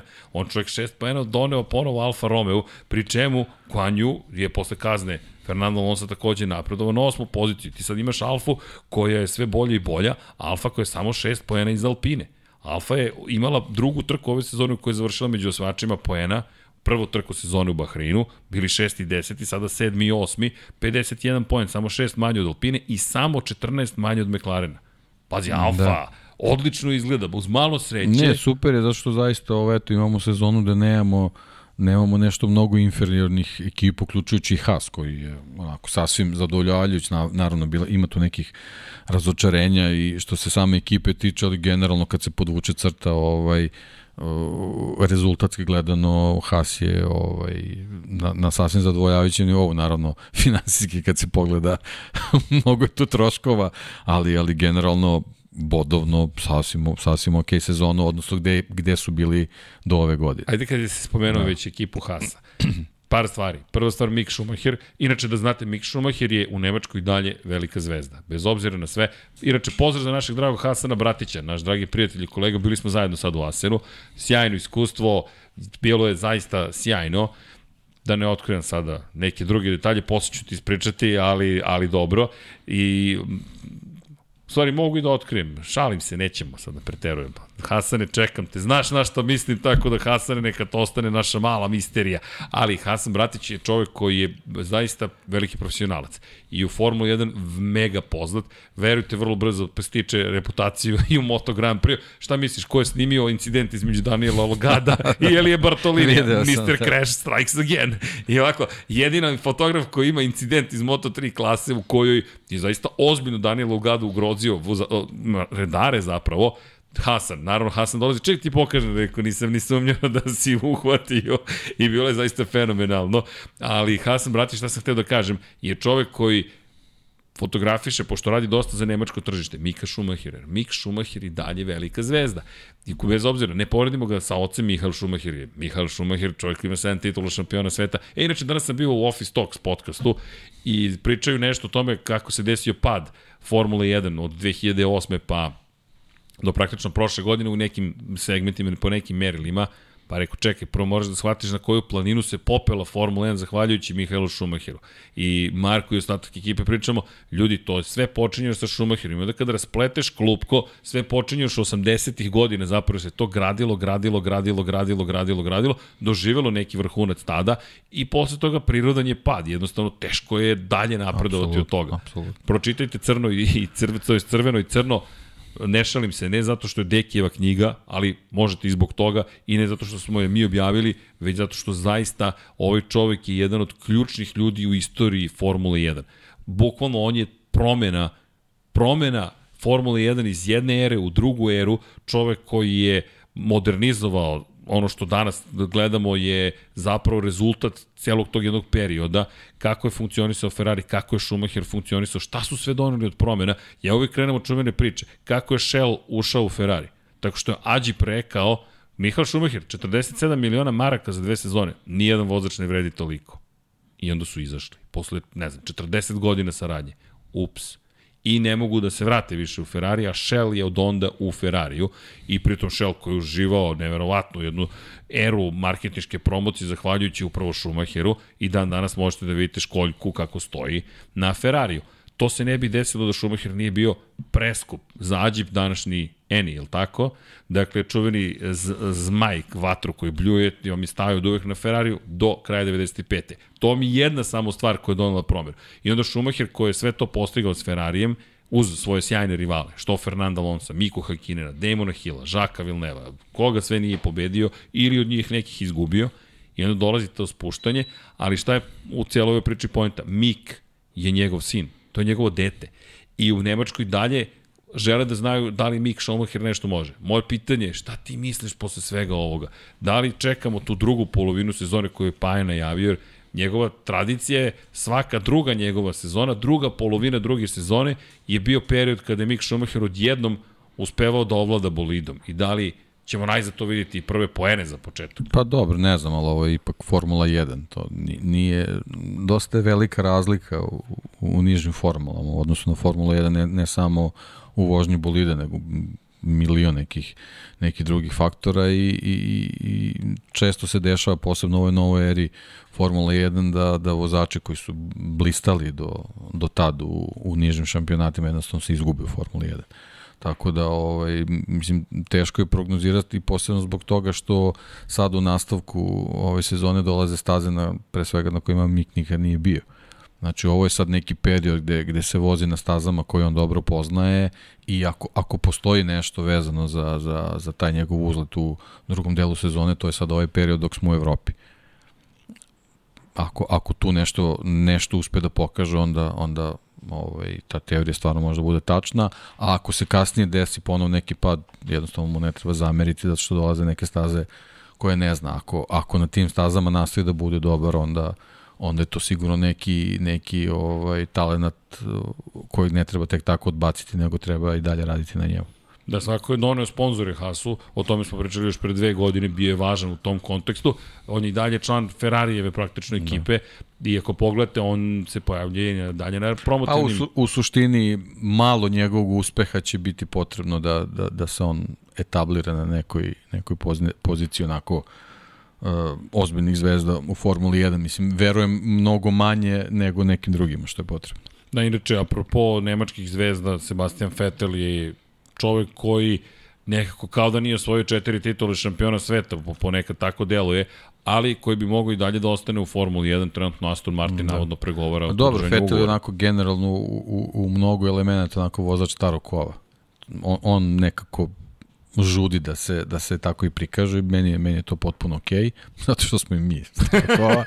ovaj, neko ko je to, njegovo bivstvovanje u Formuli 1 baš i liči na, na, na te neke ovaj, karijere posle Zenita nekih starih asova u Formuli 1, tako da eto, on je tu ovaj, njegovo ime to što jeste, ovaj, ali eto nekako ne, neke druge stvari često izlaze u prvi plan mnogo više nego, nego samo vožnje i kažem, to je mi nekako prirodno za te vozače tako staro kova da se to tako i, deša, i, i dešava i onda dešavaju se ti te ovaj kako se vam rekao, neke iskre, to kao, kao što je ovaj, njemu izgleda Monte Carlo. Svaki godin taj Monte Carlo donese neku promenu, onda to nosi ovaj, nekoliko trka, ovaj, međutim onda opet, opet uđu neka, neka druga razmišljanja, spašavanje kitova, skupljanje kesa i tako dalje i tako dalje, ali dobro, on jednostavno ima svoju priču. Ima svoju priču, on izabro, on izabro ovaj način da da to što radi, onako radi sa uživanjem i to je apsolutno okej. Okay. Znaš da mnogi u Formuli 1 zapravo nisu baš najsrećniji što je pristupio tome kao da je to konstantna kritika Formule 1. Jer šta kažu? Da. Čekaj, stvorio si porodici, si stvorio takvu zaleđenu, ne zaleđenu, takvu ostavljaš poziciju svoje porodice, zahvaljujući rezultatima koje ti donela ta Formula 1. Automotosport generalno, i dalje se trkaš, i dalje si taj koji troši zapravo gorivo, motore sa unutrašnjim segorevanjem koristiš, a ovde kažeš, e, sve to loše, čekaj, podi onda čovek od reči, reci, ja ovo sve napuštam. I povlačim se u šumu, neću više da koristim ništa što donosi modern svet. Pa da, ili pređi vozi Extreme šampionat tamo, onaj, okay. održivi gde su i Nico Rosberg i Lewis Hamilton, to je njihove kao ekipe i tako ekipe, dalje. tako je. Da. Ali to ne Da. čini, ne, i dalje ostaje u Formuli Da. 1. Ima i Formula E, Tako eto, je. ima i Formula Tako E. je. Verujem da bi ga prihvatili u Formuli Verujem, 1. verujem da bi im baš bio boost ozbiljen. Pa dolazi četvorostruki šampion sveta Formula 1. Tako da tu postoji ma, ma, mali problem, ali ok, Vettel ima neko opet i dalje priča i ono što... Pa dobro, da, mislim, ja kažem, ne, to stvarno nije stvar da se njemu treba nešto zamerati, Ne, ne, nego ne, ne, ne. jednostavno on, on, On- on, jednostavno nap- napravio taj neki balon oko sebe i, i funkcioniš u njemu. Ličnost je. Meni je to Da. ono što je bitno, jer čak i sve to je deo ličnosti. Dakle, mi govorimo o čoveku koji je ličnost zapravo, jer ti imaš neki svoj stav. Sad, da li se svi slažu s tobom? Pa kad se i svi slažu sa svakim ili bilo sa kim. Tako da to je tvoj stav i meni je super što ga imaš. To je i Vettel i meni simpatično što on ima na velikoj nagradi Miami kaciga koja kaže za 70 za 50 godina prvi podvodni Grand Prix. I to je okej. Okay. Vidi, skreće pažnju na neke teme, na neke stvari, koristi svoju poziciju da kaže, ok, evo, ja pričam o ovome. Sve je okej, meni, ja nemam problem sa time, samo konstatujem šta se, kako se prime, posmatra to što trenutno radi, ali sve je u redu. Dok ima rezultata, cenim da će biti interesovanja. Inače, apropo Aston Martina, pošto već spominjemo Aston Martin, samo bih se dotakao bitne, mislim da je to bitna vest, dve smo velike imali vesti, ajde da krenemo od ove najsvežije, Red Bull koji je saopštio da će proizvesti RB17. RB18 je model ovogodišnjeg bolida Formula 1. RB16 je bio pre dve godine. Prošle godine se pojavio RB16B. RB17 se nije pojavio, ali će se pojaviti u vidu hiperautomobila koji će biti proizveden u 50 primjeraka, koštaće 5 miliona funti pre oporezivanja, dakle oko 6 miliona funti ukupno će neko morati da da da bi posjedovao taj automobil.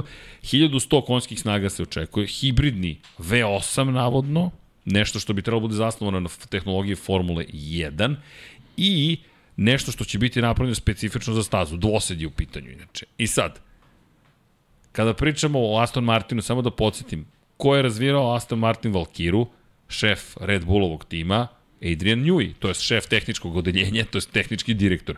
Adrian Newey koji je danas sedeo sa Christianom Hornerom, šefom Red Bulla, inače, apropo uvoda u veliku nagradu Velike Britanije, Red Bull prezentuje novi automobil. I sad, ono što je tu važno, dve stvari. Ne samo što nastavljaju sa hiperautomobilom, što ostavlja, otvara pitanje koje ću ti postaviti da li ih vidiš u Le Manu za koju godinu, već i druga stvar, a to je da Red Bull počinje da proizvodi svoje automobile. I to je ono što su najavili kada su počeli da investiraju u zapravo postrojenja koja bi trebalo da posluže kao prelazni faktor ka tome da budu nezavisna ekipa koja proizvodi svoje motore. Ja ne vidim da će oni nikada moći da proizvodi tek tako svoje motore, ali okej. Okay.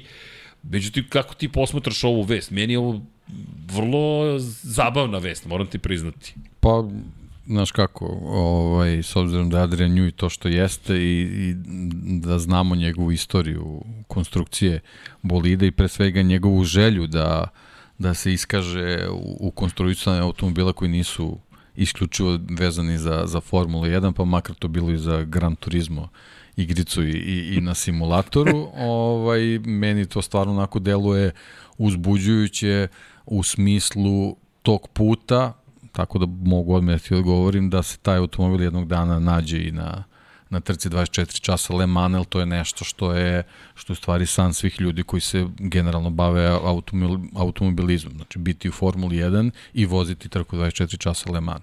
Pošto su Formuli 1 već uradili sve šta su mogli da urade kroz Red Bull, a za Adrian Nju je, pri, moram, mogu, možemo da pričamo i nekoj Da, da, da. prethodnoj istoriji, tako da jedini onako pravi izazov za njega pretpostavljam da je, da je učešće na 24 časa Le Mana i po, zbog onih sadašnjih pravila koji stvari koji tek trebaju da nastupe praktično ovaj na u tom šampionatu ovaj izdržljivosti s obzirom da već dve godine neki, neki prelazni period. Da.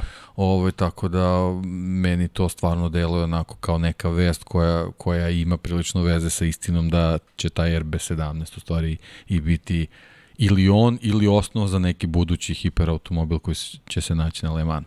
I sad, još jedna stvar, zašto to spominjem? Prvo, ajde, bila je najsvežija vesta, ali postoji veza. Red Bull saopštava da ima hiperautomobil. Porsche za kog se priča da će početi saradnju sa Red Bullom, saopštava da sa Penske ekipom razvija hiperautomobil. Ne razvija, već su već su ga razvija. Da, da, da. Pa, da, da. Dakle, da oni su napravili automobil da. koji će koristiti za 24 časa Lemana, čak se očekuje krajem ove godine da učestvuju u prvom takmičenju i mi sada pričamo o potpuno novom automobilu koji predivno izgleda, ok, Porsche nekako uvijek lepo izgleda, 963 je u pitanju i ono što mi je zanimljivo je bilo što su pričali o tome da je to naslednik zapravo nekih istorijskih modela. Dakle, mi govorimo o tome da će oni prema sobstvenim priznanjima razvijati nešto što je naslednik 956 i 962. I ti sad govoriš, čekaj, to su pobednički automobili iz 80-ih. Inače, Red Bullov hiperautomobil je zasnovan na čudno mi čuda, na efektu tla. Dakle, na onome što se koristite kako i šta se razvijalo u Formuli 1. Pa sad Porsche izbacuje svoj hiperautomobil, Red Bull izbacuje svoj hiperautomobil. Da li zaista vidiš da će oni za 10 dana, kao što se trača, saopštiti kako započinju saradnju Red Bull i Porsche? Meni to sad sve deluje sve čudnije i čudnije. Ne, ne znam šta da mislim u kontekstu te saradnje. Pa ne znam, meni ajde, možda, možda bude saradnja, ali ja bih iskreno više volao i da, da, da oni krenu da, da razvijaju sobstvene Ovaj, Jer meni deluje kao da idu da. u tom smeru, da uopšte da. nemaju pa nameru pa da krenu zato što ja sam pre nekih, pa ne znam, pre nekih mesec, mesec i po dana pojavile su se neke veste da Porsche malo kasni sa svojim projektima, tako da evo sad se pojavila kao fotografija da ipak sa Penskim u čitovi priči, a mislim jako je važna stvar zašto je Penski u priči, zato što od sledeće godine će uh, automobili koji budu mogli da učestvuju u svetskom šampionatu uh, u trkama istražljivosti, samim tim i na 24 časa Le Mans, to će biti automobili koji će uh, moći da odgovaraju homologacijama za praktično evropske, evropske šampionate, evropske trke i, i trke u američkim ovaj, šampionatima, trkama izdržljivosti, tako da će moći zajedno se nađu u, u svetskom šampionatu i samim tim je mnogo, mnogo ovaj, jednostavnije isplativije da, da se u stvari pravi automobil koji će moći da, da odgovara svim, svim ovaj, homologacijama. Ferrari je već najavio svoj projekat da, da se uključi u čitavu priču, pošto najvažnija stvar u svemu je da je sledeće godine 100 godina od, od, od prve trke 24 časa Le Mana, ogroman jubilej. Ferrari je bio mnogo, mnogo bitan te, deo te čitave priče. Porsche je bio mnogo, mnogo bitan deo te čitave priče, tako da ovaj, jako je malo vremena da se, da se bolidi ovaj, razviju na, na maksimalnom nivou da bi se pojavili sledeće godine, posebno zbog toga što je Toyota već, već u čitovi priče, njihov automobil, boga mi već dve godine je ozbiljnu kilometražu prešao, a, Toyota je ove godine stigla do pet uzastopne pobede, tako da tu, tu se sad pojavljaju i drugi motivi ovaj, drugih istorija drugih brendova, tako da, da, to je, to je ta, ta, ta istorija. Mercedes je nedavno predstavio serijsku verziju ovaj, AMG One-a, to isto hiperautomobil koji je zastao na tehnologiji Formula 1 od pre 5 godina, kad se, kad se pojavio kao Project One, kao, kao ovaj, prototip, tako da to su sve automobili koji koji mogu da koriste praktično aktualnu tehnologiju u Formuli 1 koja se onako prilično uklapa sa, sa tehnologijom koja je koja je u trkama izdržljivosti ovaj, samim tim i na, i na Le Manu, tako da sve, sve priče u ovom trenutku deluju prilično onako, ne mogu sad kažem realno, ali zaista blizu istini da od sledeće godine možemo da imamo ozbiljan grid na, na, na Lesart stazi, tako da mm, ja, ja, ja navijam za to da se oni pojave. Sad, da li će to biti neka, neka spajanja, ne, neke fuzije, Porsche, Red Bull ili, ili kako kod, meni, meni je zaista sve jedno, ali bi stvarno voleo da u, do, u najjačoj klasi na Le Manu i samim tim u tom uh, svetskom šampionatu izdržljivosti imamo bar 7-8 automobila koji mogu da konkurišu za, za pobedu. Ne smo da zaboravimo da je Peugeot tu. Peugeot je već prestao automobil, on će u Monci debitovati za ove 10 dana. Tako je, to je automobil koji, koji, koji ima potpuno neku, neku novu aerodinamičku filozofiju Meni ako, izgleda ako sjajno. to, ne, ali ako, ako to uspe, ako ta, ta nova filozofija uspe, to može da izazove ozbiljne potrese u automobilima koji su već možemo kažemo zasnovani na nekim tradicionalnim shvatanjima. Tako da svašta se tu dešava, baš ima mnogo turbulencije, ovaj ja stvarno ono jedva, jedva čekam da, da, da krene priča vezana za novu sezonu za trke izdržljivosti da bi u stvari mogli da vidimo gde će to sve da krene. Pazi, pri čemu taj motor, Peugeot, Pe- Peugeot izgleda briljantno, sledeće nedelje je trka u Monci, dakle pratit ćemo naravno veliku nagradu Austrije u Formuli 1, ali 6 časova Monce će biti debi za Peugeot. Tako je. I ja želim da vidim taj Da, 9 ma nema, X8. ni jedan test ne može da, da, da, da ovaj, zameni pravu trku. Ne, ne, to, je- to, Tako to, da, je trka. ovaj, jako je važno pre svega zbog, zbog karakteristika staza u Monci, nije to slučajno izabrano. Pa, vidi. to, to. I pritom, ti tamo nemaš mnogo vremena da napuniš bateriju. Dakle, ti Da. ćeš tamo da trošiš i da trošiš Nije i da bitno, trošiš. znači ovde verovatno će najvažnije biti da li, da li ta, ta aerodinamika funkcioniše na dugačkim pravcima. Vrlo jednostavno. Jer Le Mans Vrlo jednostavno. Jer vrlo Le Mans ima je. neke duže Tako je. pravce. Sve ostalo se da korigovati, srediti. ali aerodinamika, dugački pravac, to je to. 671 konjska snaga, motor sa unutrašnjim sagorevanjem. 268 konjskih snaga, elektromotor za Peugeot. I zašto o ovome pričamo? Ljudi, ajmo sad ovako. 2026. stupaju na snagu nova pravila u Formuli 1.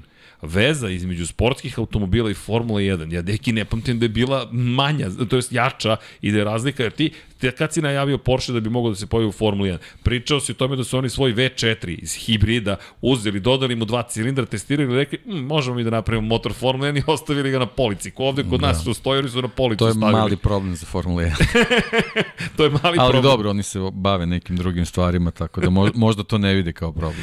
Da. Ali kažem, meni je sve, sve mi ovaj, krenulo, meni bi bilo zabrinjavajuće da sam u sistemu Formule 1 i u nekoj organizaciji kad uh, Andre Lotterer sedne u, u, u bolid Formule 1 posle svog ovaj prototipa i uopšte se ne oduševi vožnjem na Le Manu. Meni to bio si o, o, na vožnje na Spa.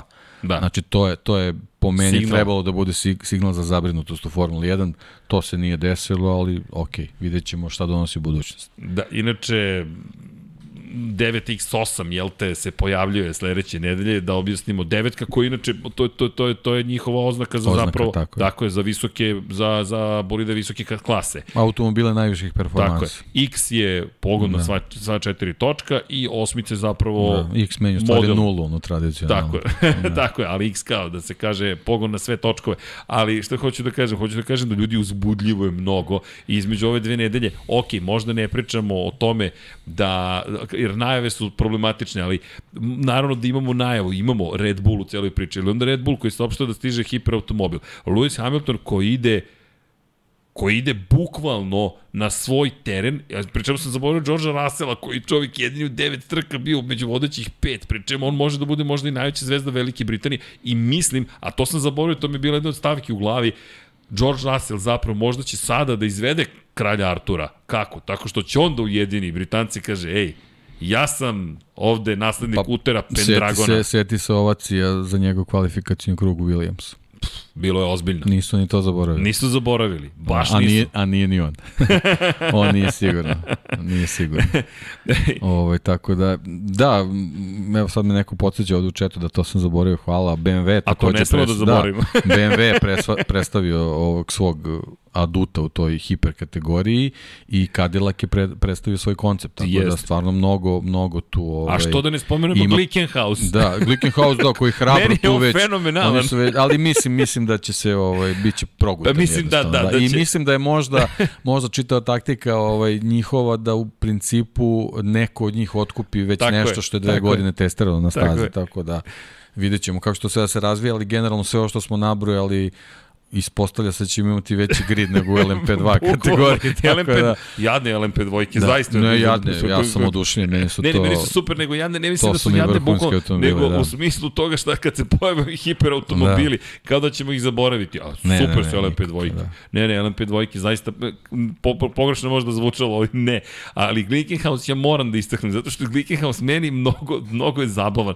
Tamo neki Glickenhaus da. se pojavio, šta sad ovde Toyota, Pa, čovjek milioner za ljubljenika automobile. I, zar to nije divno? to je u stvari taj neki stari koncept 3,5 litre da, V8 da, da, da. Twin Turbo, ljudi, to, da. to je klasičan... Pa ja sam skoro radio, baš sam pisao neki tekst vezan za, za najavu te, ovaj, te sledeće trke, u stvari koje nas očekuje sledeće godine, koja će biti ove godine u stvari bila 90. trka u Le Manu, pošto su bile neke pauze, sledeće godine se obeležava 100 godina i pravio sam neki tekst. I u principu ja ne znam od, od brendova koji su se pojavili na prvoj trci ne znam, tu je, tu je Bentley i ne znam, možda još, još eventualno dva, tri, dve, tri marke koje, koji danas egzistiraju, znači to su neki potpuno ne, nepoznati brendovi, jednostavno to su bili ljudi entuzijasti i pravili su automobile da, da, se, da se voze po ulicama, da se trkaju s njima, vremenom su naravno eto, nestali iz raznoraznih razloga, ali u principu to je ta neka, ta neka ljubav, ljubav ka, ka takmičenju je neka veza između njih i Glickenhaus i meni je stvarno bilo fenomenalno kad sam, se, kad sam čuo da će oni u, u prvoj sezoni koja je još bila ovaj ta ta ovaj prelazna sezona sa sa LMP1 automobilima da da će se Glickenhaus pojaviti stvarno mi je bilo fenomenalno. I zaboravili smo Vanval. Da. Zaboravili smo još i njih i Ma, oni su da, isto da, predstavili da. hiperautomobil. Ti Ma ima ne, biće, mislim sad, biće svega. Sad dobro, sad tu se sad od, od, od naš predstavljanja koncepta do, do fizičkog automobila je stvarno dug put, ali dobro, sve te neke ovaj, e, njihove najave u stvari samo dobra taktika da, da, na, da na taj neki način ovaj, pokušaju da, da, da pribave sredstva, tako da uh, daleko je još od toga da, da, da sve to što vidimo sad prihvatimo Naravno. kao zdravo za gotovo će zaista biti trkački automobil, ali nema veze, odlično je, da, odlično je da, da konačno uh, počinje da, da živi ovaj, uh, ta kategorija koja je, koja je potrebna ovaj, Le Manu i generalno tim trkama izdržljivosti. Da, i koji, koji eto, imaju vezu i sada no, u velikoj meri sa Formulom 1, jer su koncepti vrlo bliski, vrlo su slični Jest. i meni je to super zato što gledamo sada jednog Adriana Njuje koji pričao o de facto nečemu što ja vidim da će biti na 24 časa Le Mans, jer nema šanse hiperautomobil Red Bull da ne gurne na 24 časa Le Mans. Ja samo mislim da su oni vrlo mudri u svojim saopštenjima. Da. Za sada hiperautomobil. Pri da. čemu? To sada postoji izvor prihoda. Pazi, deki, Absolutno. to sad postoji izvor prihoda. Ali, znaš, i generalno u čitavoj strategiji, na primjer, McLarena, ja očekujem da da se tu pojavi jedan hiperautomobil, neki Sena ili već kako god. O, zamisli, imaš da. hiperautomobil da. koji se zove Sena i ti da. ideš sa njime na 24 časa Lemara. Ti samo kažeš kraj. Osnove Kasi. postoje, mislim, to je, to je ono što je, što je najvažnije i što je ohrabrujuće za sve te ovaj, brendovi koji proizvode te super automobile koji su vremenom postali hiper automobile. Pa da, i, i nije... koji imaju svoj klub 1000 sa 1000 konjskih snaga. Da, I, kada govorimo o McLarenu, pa McLaren znao je da uspe na 24 časa Le Mans. Nije to njima da, pr prvi McLaren izgled. prvo kao, kao sad kažemo i korporacija koja je onako prilično orijentisana za, za učešće u raznim šampionatima, tako da Le Mans je onako što se tiče tih evropskih izazova, onako možda i broj jedan za, za američke ekipe. Ej, nismo ispoštovali par stvari. Bojan Gitarić, donirao čovjek 500 dinara. Hvala Bojane. Kaže, pozdrav cijelu ekipu, topla preporuka za sve pratitelje da pogledaju Lab 76 24 priče Zoran Živko, epizoda koja govori koliko je kompleksna, e, kompleksna F1 politika kao je pitanju sada sa Hamiltonom. Da, možete da pogledate zaista 24-ku pre skoro 200 emisija nam je prvi put bio Zoki, A da odgovorim i Dušanu Živanoviću, hvala inače Bojane na, na, i na podsjetniku.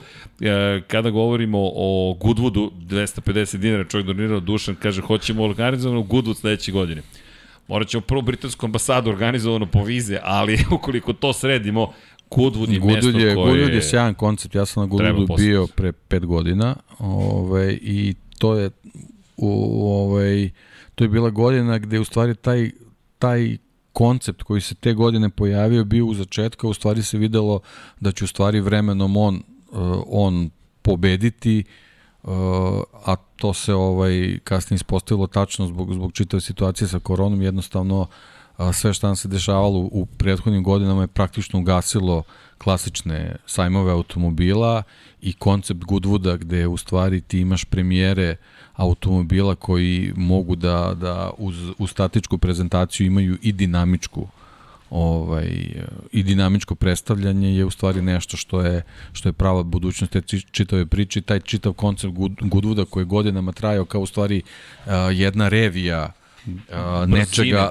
pa revija, revija nečega što je u stvari obeležila au- automobilsku industriju kroz decenije, Jasno. sad je u stvari postalo kao revija automobila koji će u decenijima koje dolaze u stvari ovaj nešto da, da, da, da donesu i u stvari postalo je, postao je ozbiljan prestiž da, da svetsku premijeru svog novog uh, automobila, čak nije uopšte vezano, čak Gde je za, Porsche prezentovao za sport. hiperautomobil? Ja, ja sam recimo konkretno te godine bio, uh, te godine je Mazda obeležavala svoje svoje rezultate, ovaj između ostalog je ovaj obeležavala i i uspeh na na Le Mansu, ali ovaj uh, jednostavno njihova njihova uh, verzija MX petice sa, sa, sa čvrstim krovom je u stvari predstavljena na, na, na Goodwoodu. Znači jednostavno običan automobil te godine je bilo um, ne mogu se tačno se setiti, mislim da je Giulietta predstavljena Alfa Romeo-ova, uh, bio je koncept BMW serije 2, uh, mnogo mnogo automobila jednostavno koji ovaj koji čiji su u stvari proizvođači izabrali da se na, na takvim skupovima ovaj urade promocije a ne na ne na klasičnim sajmovima automobila za koje vidimo da su polako praktično izumrli. Pa promenilo se se stvari. Meni se ovo dopada, moram ti priznati, zato što to jeste prava stvar. Ulica, staza i jedno lepo Jeste, mesto jeste. i druženje Ne, ne, zaista onako način. stvarno, stvarno praznik. Mislim, ja sam imao onako stvarno veliku sreću, zadovoljstvo i privilegiju da se, da se nađemo ovaj, na Goodwoodu. Čita, čitava ta, taj, taj koncept i, pa, i neverovatne stvari. Mislim, mene, ja sam morao od hotela do Goodwooda se prebacim helikopterom, zato što je Bilo put- ti teško, naravno. Pa da, naravno, put je bio apsolutno zakrčen i bilo je nemoguće ovaj proći, a dan pre je takva kiša pala da je ono, ono kao što se rekao, su ko- apsolutno sve je bilo u blatu i onda ti dođeš i vidiš na primjer jednog Jackie Stewarta koji, koji je tu učestvovao u paradi automobila koji je u svom kombinezonu ekipe Stewart i u gumenim čizmama. Tako je, to se da ti kažem. Da. Dve stvari Da, da, da. obeležavaju British Countryside. Tako je. Gumene čizme i Subaru Forester. To, Da, to, da, da, to je da. to. Znaš, od svega imaš to, japanski automobil kao Land Rover, Da. Subaru Tako da Forester. blato je onako potpuno, ovaj, potpuno normalna pojava po- tamo i, i apsolutno se niko ne Niko se nervira. ne bavi time. Niko se ne nervira zbog toga, već svi uživaju u, u automobilima, u motociklima, u formulama, stvarno onako prelepo i fenomenalno iskustvo. I to je ta najava za, za veliku nagradu Velike Britanije. Zaista je veliki sportski događaj, automobilski događaj. To što će se desiti u Silverstone Da, je velika da sam znao da stvar. ćemo o tome pričati, mogu sam donesem ovaj galeriju moju da, da pustimo da se vrti dok Pa, Jel, jel, nisam bukvalno, jel to, su, to su jednostavno automobili koji su onako vanvremenski i to što sam ih ja fotografisao tamo pre pet godina apsolutno ništa ne znači. To je jednostavno identično ushićenje tad i sad i, i bit će ko zna do kada. Pa za nas dvojicu verovatno, verovatno doveka. Pre čemu moram da kažem, kada je reč o sportskim automobilima, gospodin Dejan Potkonjak, verujte, da ne enciklopedija, nego više od toga, dekipedija, ali e, zaista govorimo o nečemu što je znam da je tvoja velika ljubav i strast zapravo i nije mi plan nužno bio da pričamo toliko, ali želim, prosto kad se otvori priča, pa to je poenta i svega u životu, ljudi pričamo i onda se pogodi neka tema. Meni je fascinantno bilo taj hiperautomobil danas kada se pojavio, rekao, ok, njoj ide svojom misijom, vidi, eto, Aston Martin od njih smo nekako krenuli kao uvod, pa i oni će se možda pojaviti u celoj priči. Pa da, oni generalno Valkiru imaju. tako da- Valkira već postoji, tako da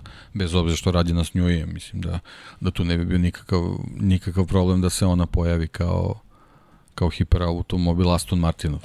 A, što ti opet veza... Dobro, naravno sve su stvari opet budžeta, znamo kakva je situacija, ovaj, ali, ali mislim da, da, da učešće nekih velikih brendova možda bude samo lančana reakcija da se i ostali pojave u četoj priči. I što opet nas povlači sa Formulom 1. Porsche stiže, Audi stiže, Peugeot, ej, ko zna, možda Peugeot, Peugeot poslednji put u Formuli je bio s McLarenom, McLaren Peugeot, ako se dobro sećam. I to je Da, da, ba, bio baš pre. Mercedes, bio je diza, bio je baš je diza, že- Da, bili su sa Jordanom su isto. I bili. Jordan, Jordan Peugeot, je bio, i da. to, ali to još je bilo uspešno. Jordan da. Peugeot još i funkcionisao nekako, Da. ali posle toga, da, Jordan Pa Peugeot, dobro, Jordan Mugen opet, Honda opet posle toga. generalno bili, bile tehnologije koje su stigle opet iz Le Mans. Tako je. Zato, Da, da mislim, mislim da je Peugeot motor u jednom privatnom automobilu je rekorder, mislim da je 405 km na sat maksimalna brzina razvijena na muzam pravcu. I to je bio Peugeot motor u tom automobilu. Da, inače, e, samo jednu stvar, uvek to sam počeo da prestajem da radim, ali ljudi, udrite like. Evo, ja ću vas zamoliti, udrite like. Vrlo je jednostavno, nije samo pojenta, ja lepo je, vidi koliko ljudi je lajkovalo algoritam, šta smo rekli još tamo na početcima Infinity Lighthouse i Lab 76, malo da preverimo algoritam YouTube-ov, jer on kad vidi da se nešto lajkuje i gleda, onda on preporuči to većem broju ljudi, onda dođe veći broj ljudi, onda dođe veći broj ljudi koji su u zajednici, onda se još više družimo, radimo, pričamo, kritikujemo se, hvalimo se šta god i to je lepo. Dakle, udrite like, Inače, to kažem, nekako mi je postalo, toliko imam osjećaj da sam puta ponovio da sam samo sebi dosadio, ali udrite like. Zato što to zaista je bitno za nas, ja mislim da to najmanje što, eto, možete da uradite u ovom trenutku, kažete, evo jedan lajkić za ekipu za stolom. Evo za Dekija, pecam vas sada na Dekija, ko li se dopala priča o sportskim automobilima, gospodine Djagana Potkonjaka, neko udari, čk, like. Gledam vas, kolega. Ste lajkovali? Odavno. Infinity je lajkovao. to, to moram isto da... Sami sebe lajkujem. Šta? Jel radiš? Vanja, to stalno. Najgori smo. Znaš, ovaj, obiješ post i sam sebi lajkuješ post. Prvo lajkujem pa gledam. I subscribe udarite, možete i join, ko nam se pridruži, bit će u knjigama, spominjemo vaše imena, stižu novi emoji i najzad, najzad ekipa uspela da stigla nova rasveta. Ej, kako vam se dopada rasveta danas? Vanja se trudi i zajedno radimo na tome da prosvetimo sve delove Kaže, što kaže on devika, više niste žuti. Bilo je malo smo ljudsko, to nismo i to ni primetili. Ma dobro, mi se igramo sa tenom, pa manje pravimo problem. da, manje da. pravimo problem, da, znaš, ali da nemoj da uradimo ode, ovo. ovo. Neko ode na plac pa bere kon... višnje, da, a neko ide u asan. Ako mu da. opalimo da. kontrast, ali ista je situacija, kao, gde si se osunčao, dokle sam se osunčao. e, ali vidi, da ne poredimo višnje, ja se neću da kukam, ja sam, ne da sam uživao, nego Uf, znaš i sam, ali baš je bilo dobro. Asen, ljudi, ko nije posetio Asen, Holandija, i verujem da je Zandvoort slično, Holandija je toliko dobro organizovana. Taj moment dođeš i samo radiš svoj posao, ništa drugo, samo radiš svoj posao. Ok, ovo, ovo, ovo, ovo, je, ovo je prilično dobro. Da se vratimo mi u Silverstone i Veliku Britaniju, Pred nama ozbiljan vikend. Šta će timovi doneti od napređenja? Ljudi, nemamo pojma tačno šta će sve doneti. Ono što znamo da je fokus najviše na Mercedesu iz te perspektive rešavanja problema sa poskakivanjem, mehaničkim poskakivanjem. Dakle, to Mercedes želi da reši. Ukoliko to reši, mi možda ćemo dobiti, jer sad je to zanimljivo. Zašto? Imamo ogromno poštovanje prema Mercedesu ove godine. Svih kritikuju, a evo vidiš, gube i čim ne gube, nema rezultata, sve je loše, Hamilton ne zna da vozi, bla, bla, bla. Ljudi, svi kukamo kako je sve isto. I onda dođe tim i povuče rizičan potez. Tim koji je 8 godina dominirao u šampionatu sveta i ne uspe mu taj potez. I on ne odustaje i dalje od tog koncepta. Meni se to dopada, da imamo koncept koji je potpuno drugačiji od ostalih. Inače, neko mi je poslao, ja ne mogu sad da setim ko, fotografije iz 91. godine, kada je Lambo zapravo testirao isti takav koncept. Tako je. Isti takav koncept to ono što je fenomenalno. To pred 31 godinu smo videli. Ljudi, istorija se ponavlja. Pitajte Luigi Dalinju, glavnog čoveka Ducati, ali inženjerskog genija zaista, koji tako prebira po prošlosti kao i Adrian Newey i onda nađe nešto, kaže, aj probam ovo. Mercedes je to probao. Činjenica da se pa James... da, ne vidi se verovatno zbog onih boja i svega. Williamson bolid je dosta sličan. I da, vidimo da. Da, da, da, da je ogroman problem sa, sa Williamsom i zbog toga ono kapa dole Aleksu Albonu za, za, za sve njegove uh, rezultate, ali generalno ovaj, čim se Mercedes drži toga, moguće da, da vide u tom konceptu nešto što bi moglo u budućnosti da, da im donese prednost. Vidi, ja duboko verujem zaista da, da to treba takođe da bude Formula 1. Dakle, da imamo situaciju u kojoj mi pričamo o nekim inovativnim konceptima, Zašto da ne? Ok, možda im za sada nije uspelo. Zamislite da im uspe. I onda neko kaže, čekaj, sad će probam neki drugi koncept. E, pravila su toliko restriktivna da mi imamo vrlo... Zašto mi se dopada hiperautomobil, e, priča o hiperautomobilima? Manje više je, radi šta hoćeš. Da. E, napravi motor. Imaš, imaš dimenziju, ovaj, generalno imaš slobodnu konfiguraciju motora sa unutrašnjim sagorevanjem. Bitno je da su četvorotaktni, naravno, i to je manje više to. To je to to tre, tako treba da izgleda da. šampionat. Jer ti sad odjednom imaš turbo, a, od 3600 kubika, pa onda imaš sa manjom kubikažom, ali sa elektromotorima. Pogon na sva četiri točka. Možeš ili pogon na zadnje da. točke samo. Ne, mislim da je recimo u, u, u dimenzijama ograničenje ovaj, trebaju da budu široki 2 metra, tačno, i dugački 5. I to je to. Da, ta, tačno 5 metara. Tako je. To je to. I to je to. I meni to da. fenomenalno. I sad dolazi Mercedes sa ovom, sa ovim konceptom, što ti kažeš i Williams sa nečim što da. je slično, imaju probleme, ali znam da. si da reše te probleme. I pri tom, ono, ono sve što smo pričali ranije godina, koliko su glomazni bolide Formula 1 Mercedes sa ovim konceptom izgleda mnogo manji od svih drugih. Tako da opet donose neku, neku revoluciju kao što su bili pretače u ovoj revoluciji rasta bolida. Sad su oni prvi koji ga smanjuju. Bukvalno su smanjili da. zapreminu u bolidu. Da. Ako pogledaš, mi pričamo sada ne o površini, već o zapremini. E, tu me oduševio Brad Binder. Nešto smo pričali s Binderom aerodinamici, čovjek pričao o volumenu, on pričao o zapremini vazduha od kojeg s koji ti prolaziš i braća Binder inače ponovo, to ćemo sutra da pričamo, su bila na visokom nivou iza kulisa, ali kada govorimo o Formula 1, meni se dopada što idu tim putem. Sviđa mi se što je Ferrari izbacio neki drugi koncept, što je takođe i Red Bull izbacio svoj koncept. Inače, da ne zaboravim Aston Martin, čuveni zeleni Red Bull, e, to delo je dosta bolje, moram samo da napomenem, delo je dosta bolje, što ti kažeš Vettel inspirisan nekako u Monaku, vidjet ćemo da li nešto još može da se desi, ali kada pričamo generalno o, o Silverstonu, Ja čekam isto kao i vi da vidim četvrtak šta je zapravo ko predstavio i šta će da se desi zapravo kada dođu ta unapređenja. Da, fokus mi je na Mercedesu, jer Mercedes je veliki tim koji je u problemu. Zato toliko se bavim Mercedesom. A Ferrari, već vidimo da je u nekoj situaciji, ko zna, možda Ferrari sada kaže, evo, sve, do kraja idemo. Bilo bi, bilo bi lepo da to vidimo. Koga nismo spomenuli? Alfa Tauri i Williams nismo spomenuli. Alfa Romeo sve pohvale, što ti kažeš, deluju sada još stabilnije, to im je potrebno, brzina postoji, ne znam šta možemo da očekujemo, ali ako sudimo opet po Saudijskoj Arabiji na neki način, deluje da možemo dosta toga da očekujemo. Znate šta očekujem od Hasa inače? Očekujem da Kevin Magnussen bude mnogo brz. Jer Kevin Magnussen ove staze mislim da ćemo odgovarati u kvalifikacijama, mislim da nisu rešili problem guma, mislim da oni tu najveći problem i dalje imaju. Ako pa to reše... Cela trka je problem, ali naravno ne, ne mogu u trci svi da budu dobri. Mislim. Tako da ovaj, ohrabrujuće za neke će biti to što kažeš dobri rezultati u kvalifikacijama, samim tim će nama doneti neku zanimljivost, tako da ovaj, i to je sasvim dovoljno. Da. Inače, apropo tog napređenja koji se očekuje za Mercedes, kažu da će vidljive biti unapređenja. Dakle, da će to zaista biti nešto što će, će jasno staviti svima do znanja da Mercedes napravi unapređenje. Pa okej, okay, da vidimo. I ono što me zanima jeste gde su zapravo, de, ko je troš, potrošio koliko para, pošto se ta priča još nije završila. Samo je za sada blago zaboravljena. Ali cenim da će se i to nastaviti.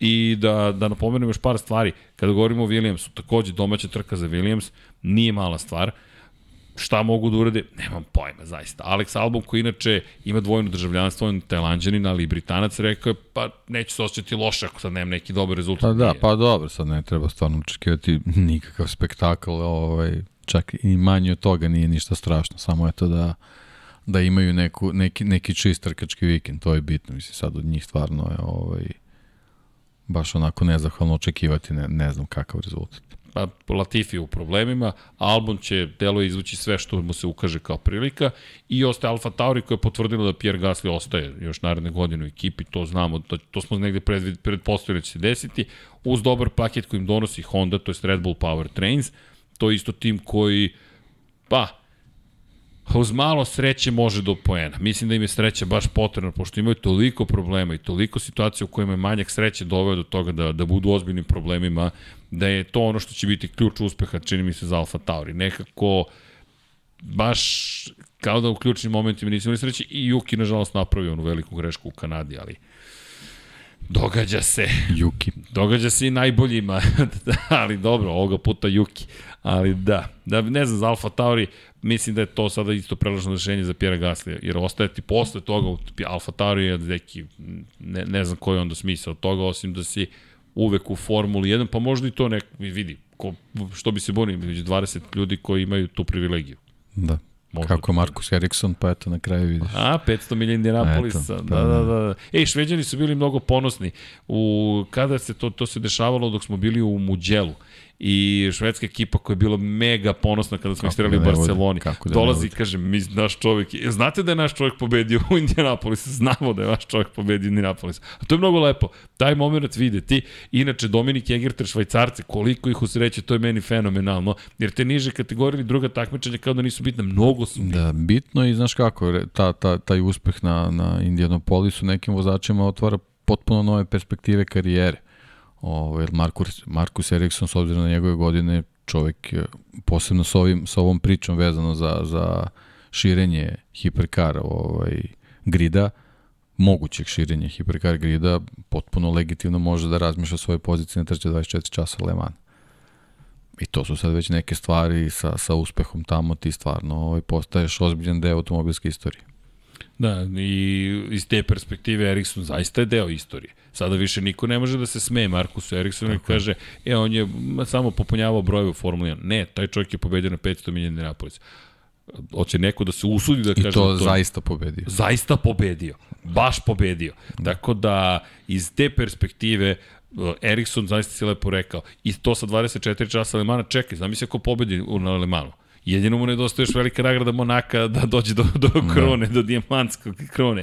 Ali okej. Inače, da se vratimo samo pa- na par stvari tehničke perspektive za, za konkretno veliku nagradu Velike Britanije. Da bacimo pogled na par stvari. Najsnažnija tačka kočenja, opišemo još malo stazu zašto je toliko bitna i odvezemo, ako hoćeš da voziš možda? Ajmo, deki, nismo duel imali odavno. Tri kruga, pa ko bude najbolji, može tako. Inače, čeka nas jedna zaista prelepa pista. Pista, često mi kaže mi kolegica Prode, što govoriš pista? Pa, kao da će da polete. 9 tačaka kočenja, 18 krivina, 15% kruga se provodi na kočenju, to je 13 sekundi. Inače, imate praktično 706 metara u kočenju. Inače, najsnažnija tačka kočenja vrlo zahtevna pred ulazak u krivinu broj 6, ali generalno staza nije preterano teška, to je zahtevna za kočenju sistem. Inicijalna brzina 324 km na čas, 127 kg, to je ti kilopaskala, pritiska 2271 kW, energije, zaostavni put 142 metra, Zaustavno vreme 2,4 sekunde, a negativno ubrzanje maksimalno je 4,2 sile zemljine teže. I kao što možete vidjeti, najsnažnija to, kod tačka kočenja za 160 km razlika, a vi dalje imate 160 km brzine, tako da ovo je staza koja šta zahteva od vas? Zahteva brzu promjenu smera kretanja. Megoc, Beckett, Chapel, izlazak na zadnji pravac, praktično na, kod hangara, baš tu može da vam pokaže kako se ponašaju bolidi u promenama smera kretanja. Jer vi zaista idete, vidjet ćete kasnije kada budemo vozili krugove, posle brze krivine, posle kopsa, gde se prošle godine desio čuveni incident između, inače Red Bull nije zaboravio incident između Luisa Hamiltona i Maxa Verstappena i u Red Bullu Adrian Newey je rekao hoćemo da ispravimo nepravdu prošle godine. Tako da oni tiho pristupaju ovome, ali postoji lični aspekt i za Verstappena, verujem, i za Red Bull, samim tim i za Serhije Pereza. To je da Luisa Hamiltona pobede na njegovom terenu na svaki mogući način. Isto i sa druge strane, Lewis Hamilton koji želi lično da ne bude ponižen kao u Imoli gde je ostao ceo krug iza Maxa Verstappena, već naprotiv da kažu, e, sad ćemo se boriti za nešto. Da li mogu, nemamo pojma. Možda nisam bio dovoljno teatralan večeras, nekako sam, nisam možda u elementu bio pre dva sata deki, ali ljudi, ovo je ta trka gde ćemo vidjeti baš žestog duel, jer mislim da Red Bull i tekako želi da izdominira, da zabeleži dvostruku pobedu i onda u Le Mans stilu da proveze krug kroz Silverstone i kaže ovo je naša zemlja, a onda ode u Austriju i nastavi dominaciju. To je samo moj utisak. Inače, uvek, inače, kada govorimo u poslednje vreme, imamo tu malu razliku između ove dve trke i zato je to toliko bitno. Inače, Megoc, Beckett i Čepel inspirisali su i krivine u Austriji, u Austriji, u Ostinu zapravo. Imate na koti slične krivine i kada govorimo o izmenama koje će doživeti, e, Ferrari takođe priprema izmene, da ne zaboravim izmene zadnje krila pogotovo, gde ćete gledati zapravo vrlo zanimljiva rešenja gde ćete imati situaciju u kojoj pokušavaju da smanje otpor vazduha, povećaju maksimalnu brzinu, to će i tekako biti igranka i eto, mi čekamo da vidimo zapravo koje će sve promjene doneti. Ono što bi trebalo da se uvede u Silverstonu za Ferrari, trebalo, jeste novi pod i novi difuzor. Tako da i oni pokušavaju da ovladaju poskakivanjem, a istovremeno da povećaju efikasnost bolida. Jer ono što smo videli da je zapravo Ferrari ima zaostatak u nekim aspektima kada je reč o, o generisanju negativnog uzgona, a istovremeno otporu vazduha koji se stvara. I ako mogu da smanje otpor vazduha, da unaprede difuzor, da unaprede pod, da doći ćemo do sledećeg, da Ferrari povećava maksimalnu brzinu, a ostaje stabilan zapravo kroz sve te brze krivine. To su unapređenja koje Ferrari navodno priprema, kažem navodno jer nemamo 100% potvrdu da će se to desiti, ali uglavnom dosta dobre informacije stižu sa svih strana u poslednje vreme, pa eto, tako da obratite pažnju i na taj aspekt iz perspektive Ferrarija. Očekujem nešto slično i kod ostalih timova za, za, za Mercedes, eto, vidit ćemo šta je to zapravo, što oni spremaju. Mada me ne bi čudilo da vidimo i novo krilo zadnje kod Red Bulla. Mada Pa da, oni su se nekako čutali po tom pitanju. Jesi tako primetio? Da, da, da. Jesi primetio kako A umeju to da urade, da. A tad su najopasniji. Tad se zabrinite. Šta je Red Bull sve uradio u poslednjih par dana? Predstavio, dakle, novi automobil, pripremio se za veliku nagradu Velike Britanije, priprema se za veliku nagradu Austrije i ne govori ništa više od onoga što je do sada govorio. Ja mislim da će oni biti baš da zaokružim tu temu baš, baš opasni i da jure dominaciju kako bi svima stavili do znanja ove dve trke ljudi, nemoj ni da se nadate nečemu. Zato je bitno da se Ferrari pojavi i kaže čekaj polako, zato je bitno da Mercedes bude Excalibur, da Lewis Hamilton se pojavi, da George Russell se pojavi, iskreno, kako bi bilo dobro da George Russell pobedi. Zamisli taj moment, o, kakav spektakl bi to bio.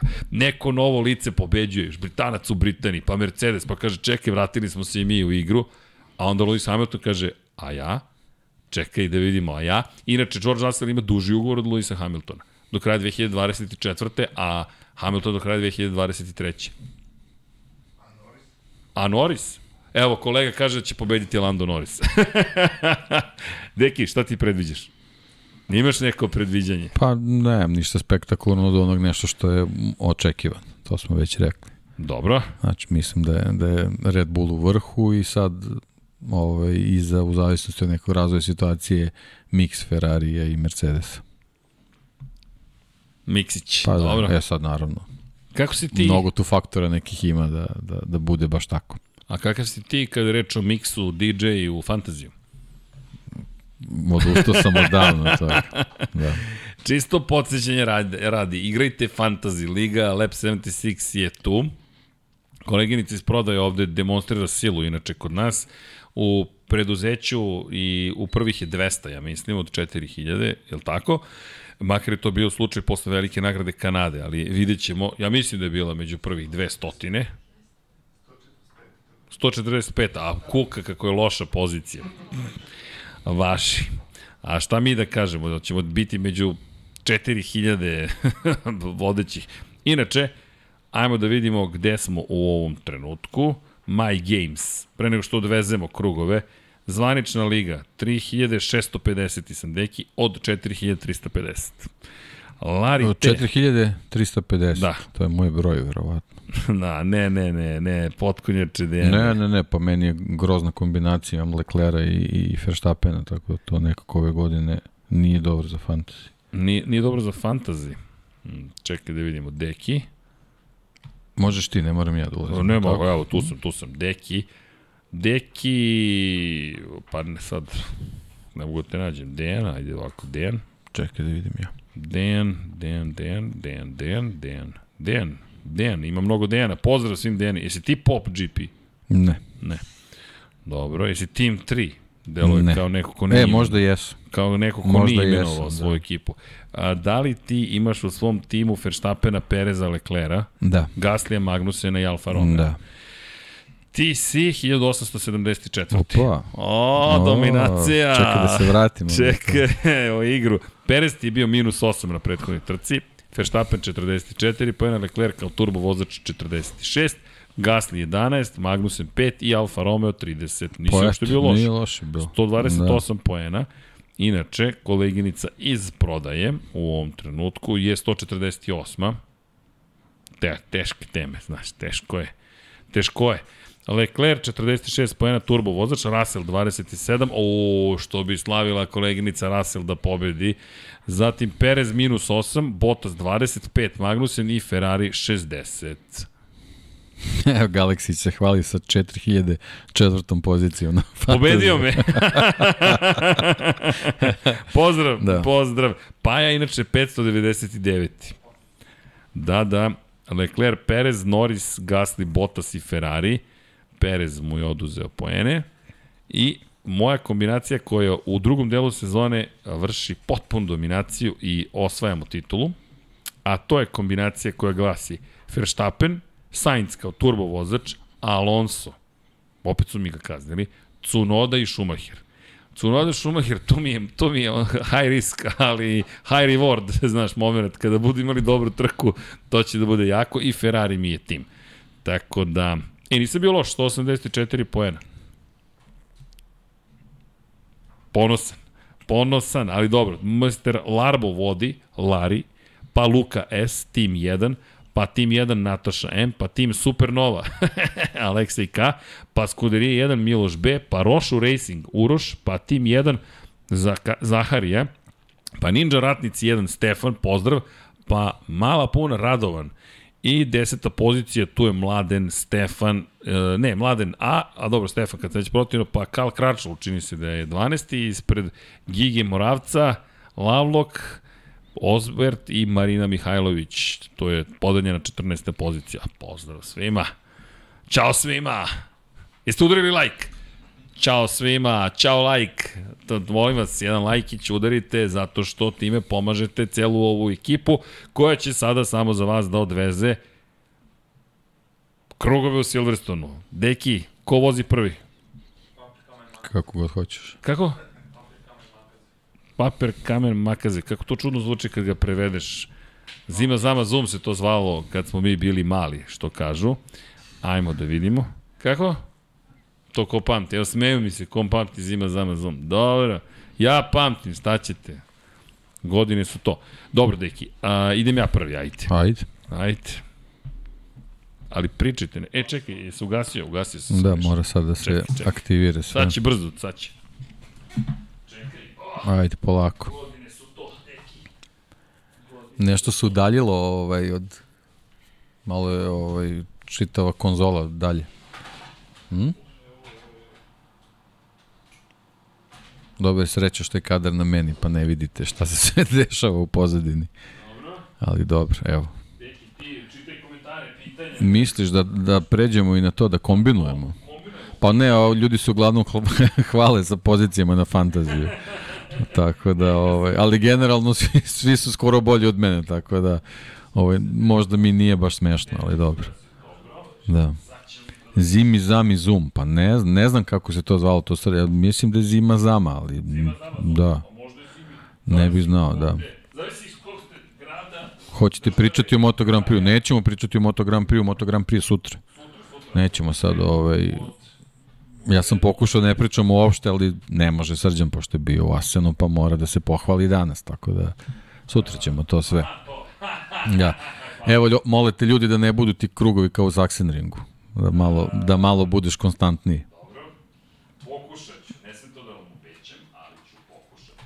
Dobro, čekaj samo da vidim da li sam nešto ovde propustio. Evo ga, F1. Idemo F1.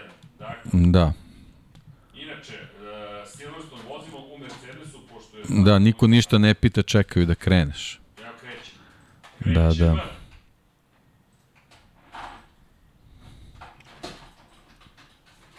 Jel imamo ton? Ja ne čujem ništa. A, dobro. A, super, to je to. Tri kruga. Tri kruga, dobro.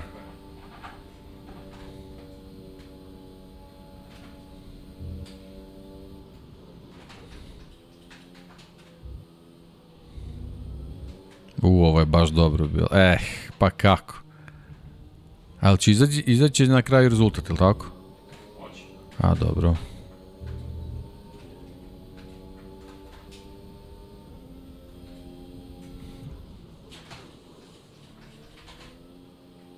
Uh, malo je, malo zakucavanje ovde bilo, ali dobar momentum na izlasku.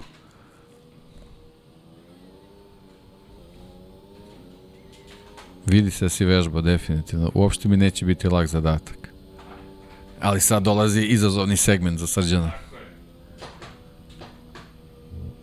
U, divno. Odlično.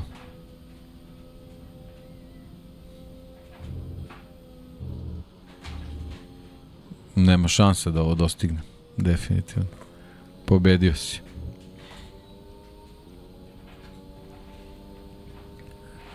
Još ako bude 1.27 visoko, pff, to je fenomenalno.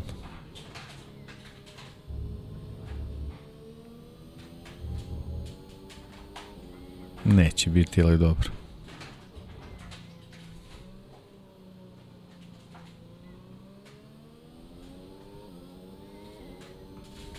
Mislim, ne moraš više da voziš, to je to.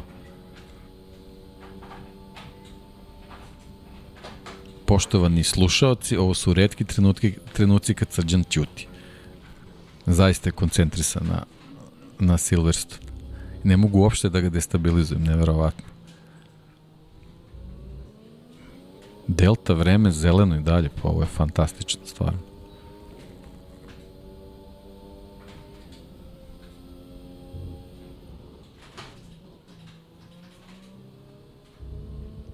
Ponovo taj momentum, to je nevjerovatno.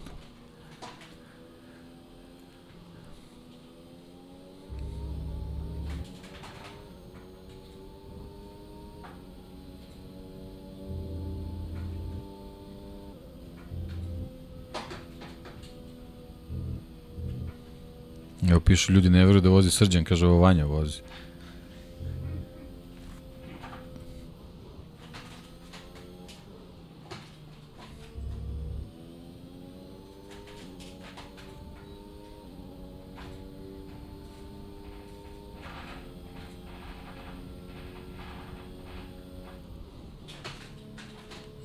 Ljudi poskakuju mu bolid na hangar pravcu, da ne verujete.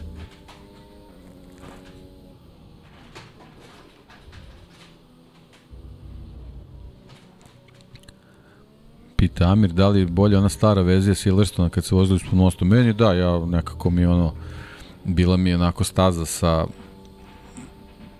nekako imala je svoje zaštitne znake, ovo mi je onako baš mi je trebalo vremena da, da, da ukačem šta su stvari htjeli s ovim da urade, ali nije, nije ova loša. Ovaj, eh, eto sad sam počeo da pričam i pokvario sam srđanu vreme, ali generalno da, meni onako bilo mi, bio mi izazovan taj segment ovaj, ispod mosta i sa onom šikanom pre njega, tako da ovaj, mislim da je bila zahtevnija od ove.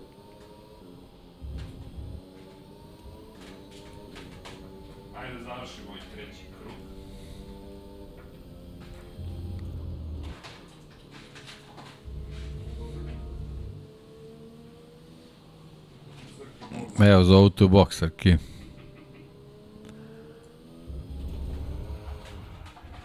Opa, dobro, ovo je za publiku. Mora malo ipak. Evo boksa krenuo. Dobacuje ovde u bivši boks. to je MotoGP boks. dobro, dobro. Nisam nezadovoljan. Ne, vežbao sam, vežbao sam. Ne, ne, izuzetno.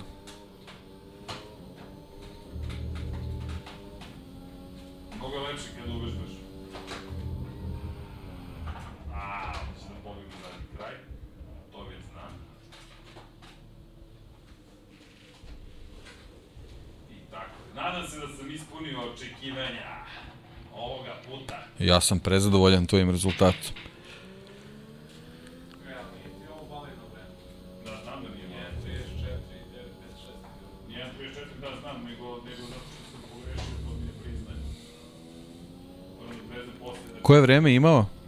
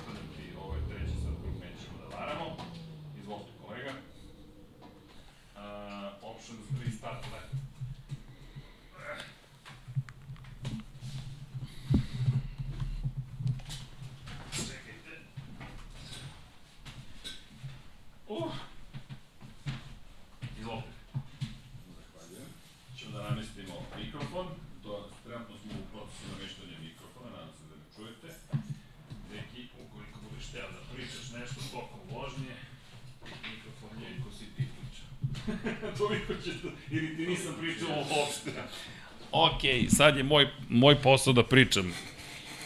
Dakle, pratimo Dekija, nećemo ometati, ili ne mnogo, ali dobro. Uh, ja sam ti namestio restart lap ako hoćeš, ako hoćeš. Može, ok, ok, ok.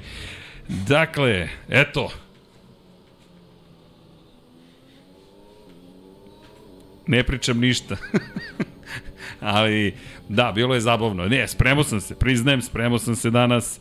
Danas negde tamo oko 7 sam seo i rekao, ok, srđane, dosta je bilo kritika na tvoj račun, nema smisla, ljudi su u pravu. Zato što je ispalo kao da se zapravo... Hm, ne pripremamo uopšte što je istina. I onda sam rekao, ok, ajmo sada da ovo unapredimo i da nešto pametno uradimo. Da vidimo koja pitanja sve imamo u ovom trenutku. Ajmo da se bacimo na pitanja, ljudi.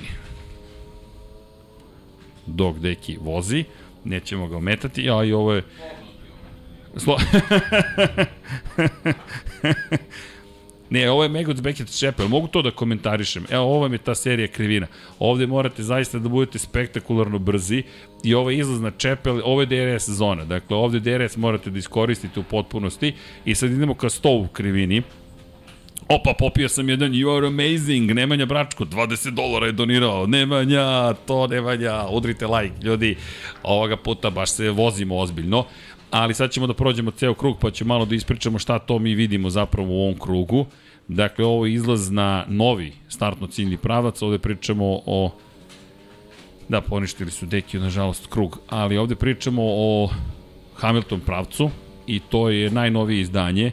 Zatim idemo u ovaj deo koji je za Deki i mene novi Ebi, pa Farm, brza krivina u levo, pa desno idemo kroz Village ili ti kroz selo. I onda imamo sledeću situaciju, a to je The Loop ili ti petnja. E, ovde je baš zahtevna promjena smera kretanja. Dosta spora krivina i prava je petlja u pitanju, tako je i zovu, pa onda ide entry, to je ova krivina u levo. Ovde imamo prvu DRS zonu, Dakle, ovde imate baš ozbiljan Wellington pravac i tu postoje prilike da se napadne. Zatim, čuveni Brooklands, ulazimo upravo u Brooklands, krivina u levo. Posle toga Lafield, To su čuvene završnice bile kruga nekada davno, pre više od 10 godina, pre nego što je renoviran u potpunosti Silverstone i sada izlazi na start startno ciljni pravac. Ovo koristi još uvek u Moto Grand Prix šampionatu sveta.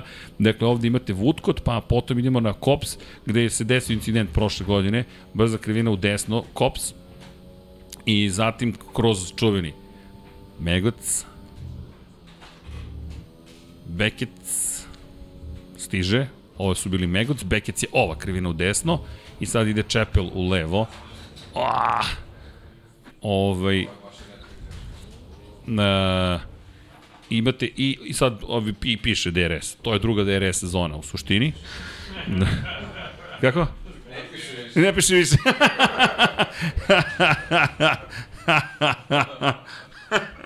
ne.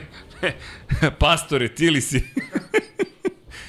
Čekaj, Denis, kako ću da metem deki ako bude imao brz krug? Samo ga pitam za Vinjalesa. I, I to će biti kraj.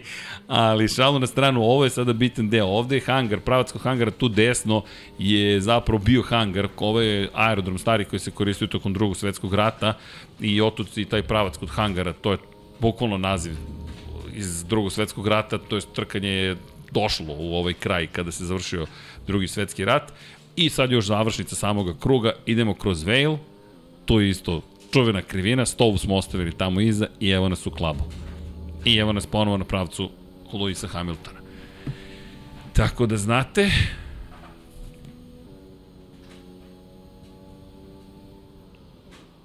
gledamo.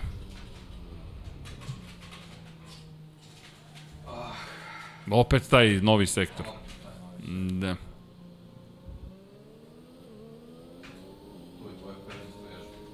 Da, da, to je, de, to sam morao da vežbam inače.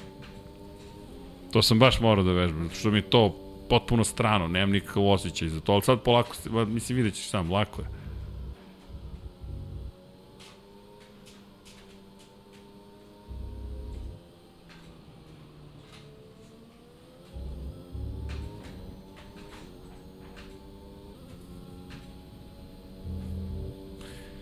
Dobro.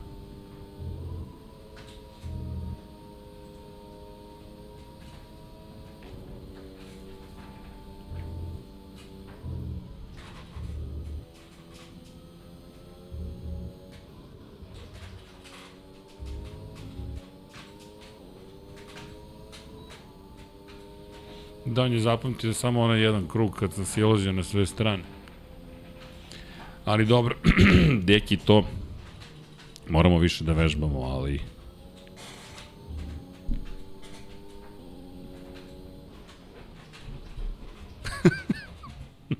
Pa dobro, malo se šalim, šta, deki ne može da vidi, može da čuje u svakom slučaju.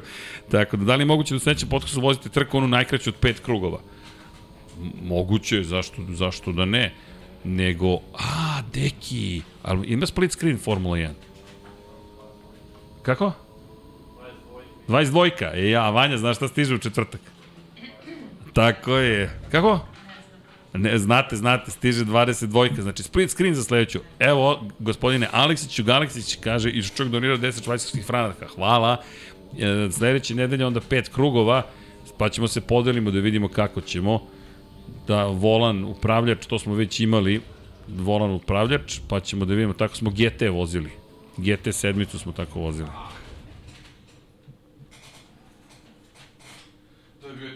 To je bio taj treći krug. Deki, ali nepravedna prednost je moja. Ja sam vežbao. Danas sat, sat jedan sam vozio u krug. I vozio, i vozio, i vozio, i vozio, i vozio. Da šta znači trening? Dakle, niste verovali da Čika vozi kamera, Vanja dalje vozio, nije Vanja vozio, danas se vežbalo, ljudi.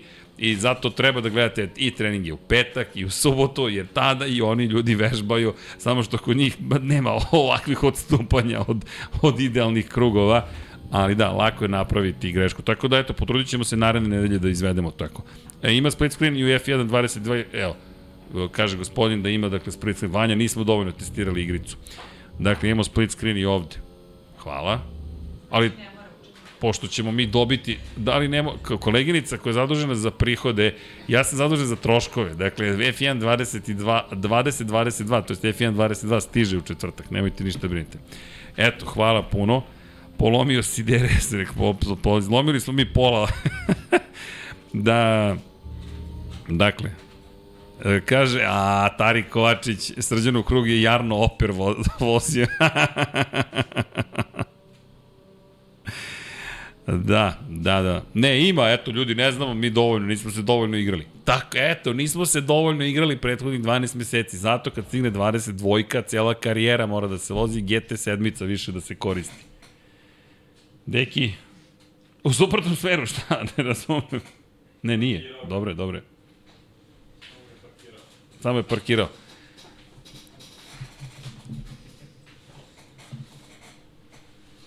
Ali nefer prednost sam imao zaista.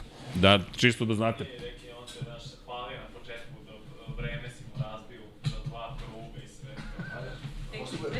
Da da niko neće koristiti tvoje podatke. Da, da, da. Mojih podataka nema. E, I Yuki Style DRS.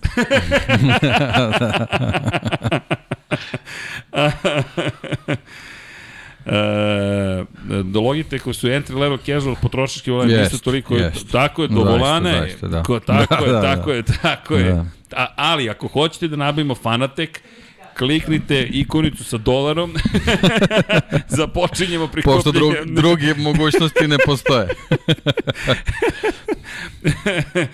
Inače, Zoran Cimeša donira čovjek 50 norveških kruna, kaže sumnju da u nastavku sezone može doći do nekih velikih promjena Forza Max. E, sumnjate ili se nadate da, da neće doći do velikih promjena?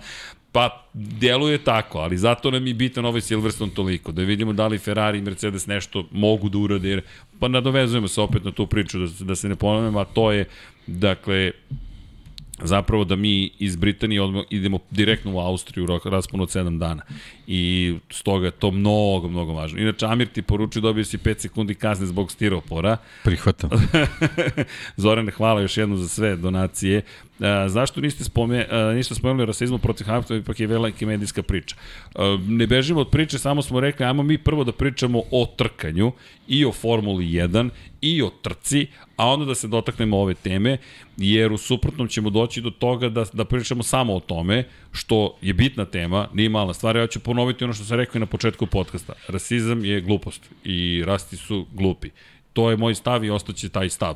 Ne volim ljude koji dele ljude po pitanju boje kože, rase, dakle, vere, nacionalnosti i bilo čega sličnog. Mislim da je to samo zloupotreba ne, izmišljene teme da bi nešto postigli. I mislim da su to zli ljudi, pokvareni, koji ne mogu da me ubede da nisu pokvareni pored svega što se zna već i što smo prošli kao, kao globalna civilizacija i to je odvratno. Dakle, rasizam apsolutno je kata, katastrofalna stvar. Imamo međutim nekoliko ovde stvari. Dakle, mi pričamo i prošlog puta smo pa i ja pričali o tome. Nismo pričali o rasizmu, pričali smo o tome kako zapravo je kako je nastala situacija u kojoj Juri Vips dobio instant praktično otkaz, brisanje sa svih portala Red Bulla i gde je nastao tu problem? Da li treba da komentarišemo ponovo rasistički izjave? Apsolutno rasizam ne može da se podrži ni na koji način. Ono što međutim sada imamo je nastavak priče iz perspektive Nelsona Piquet koji u novembru prošle godine dao intervju za brazilsku televiziju na portugalskom jeziku i u kojem je upotrebio reč koja se prevodi na kako bih to nazvao, jedan ružan način na opis ljudi tamne puti I to se sada pojavilo kao velika priča, s obzirom na činjenicu da je zaista ozbiljna stvar u pitanju. Nelson Piquet, trostruki šampion sveta, oglasio se i Lewis Hamilton tim povodom i rekao da je da postoje prosto ljudi arhaični iz nekog drugog vremena kojima je to normalan način komunikacije. Tema je jednostavna iz jedne perspektive, rasizam je odvratan, ali je kompleksna iz neke druge perspektive, a to ste i sami prošli put pričali o tome i sad otvorit ćemo verovatno jednu, jednu priču koja koja zaslužuje mnogo više vremena od onoga koje mi možemo da posvetimo, a to je zapravo i situacija u kojoj je pitanje komunikacije, pitanje je kako se zapravo sprovodi, da kažemo, delo kazna nad nekim ko je bio rasista ili stupio kao rasista i ono što je pitanje jeste zapravo koja sve komunikacija protiče kroz, da kažem, kompletne medije u kontekstu rasizma. Sad, zakomplikovao ovu rečenicu stvar je jednostavna. Dakle, Nelson Pique je rekao nešto što je problematično. Ono što mi čekamo u ovom trenutku takođe je da čujemo iz njegovih usta zapravo šta je tačno mislio time, prva stvar, zašto to kažem. Nelson Pique je inače poznat kao čovek koji je vređao mnogo ljudi. Dakle, između ostalog svog najvećeg, jednog od najvećih rivala iz Brazila je takođe opisivao pogrdnim imenima, deki ispravi me ukoliko ja grešim, to je Nelson Pique. To ga ne opravdava. Dakle, situacija u kojoj je rekao to što je rekao je neprihvatljiva. Istovremeno, to je neki termin koji koristi generacija kojoj mi čak ni mi ne pripadamo, on je dosta stariji od nas, dakle to je čovek koji je u dubokim nekim godinama, ne opravdavam ga, samo da se razumemo, znate moj stav vrlo jasan je po tom pitanju, ali je to došlo do toga da pred veliku nagradu Velike Britanije plane bukvalno, i da postane deo najvećeg diskursa trenutno u Formuli 1. Lewis Hamilton se s razlogom javio i rekao, imao je par reakcija, gde smo sad došli u situaciju da je Lewis Hamilton pod napadom, zašto je njegova reakcija takva, čak i neki komentar bio, um, super milijarder brine o stvari, ne brine o gladnima u Africi, ali brine o takvoj jednoj rečenici. Mislim da to zamena teza kompletna. Dakle, evo, par stvari. Zamislite neko da se vama obrati na način koji vam se ne dopada. Da vam kaže u vožnji, stane pored vas na semaforu i kaže bil me jedan zašto si krenuo levo. Ili džiberu jedan zašto si tu radio. Namerno koristim termine koji nisu rasistički, nacionalistički, religijski i tako dalje.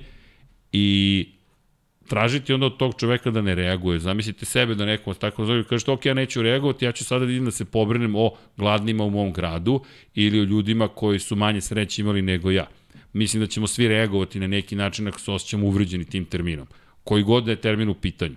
I stojim pri tome, ono što je tu, međutim, problem kod Nelsona Pikea i Nebraninga jeste upravo ta činjenica da je Nelson Pique čovek koji je zaista iz nekog drugog vremena, to je Lewis Hamilton 100% u pravu, ali koji je takođe bio spreman da koristi vrlo pogradne reči i za svog sunarodnika Ayrtona Senu, na primjer, i nije koristio rasističke reči, ali je koristio reči. Sad, da li je to bila namera Nelsona Pikea, ja bih volao da se oglasi Nelson Pike, ne znam da li su među vremenu uglasio nešto dodatno ili nije.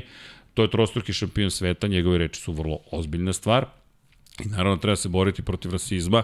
Hoću takođe da kada se priča o tome vodimo ozbiljnu diskusiju, to ima mnogo problema. Jedan od vaših komentara pitali ste me da pitali ste ako je tako, zašto u muzici provejava taj termin u kontekstu toga kada ga koriste ljudi koji su afroamerikanci.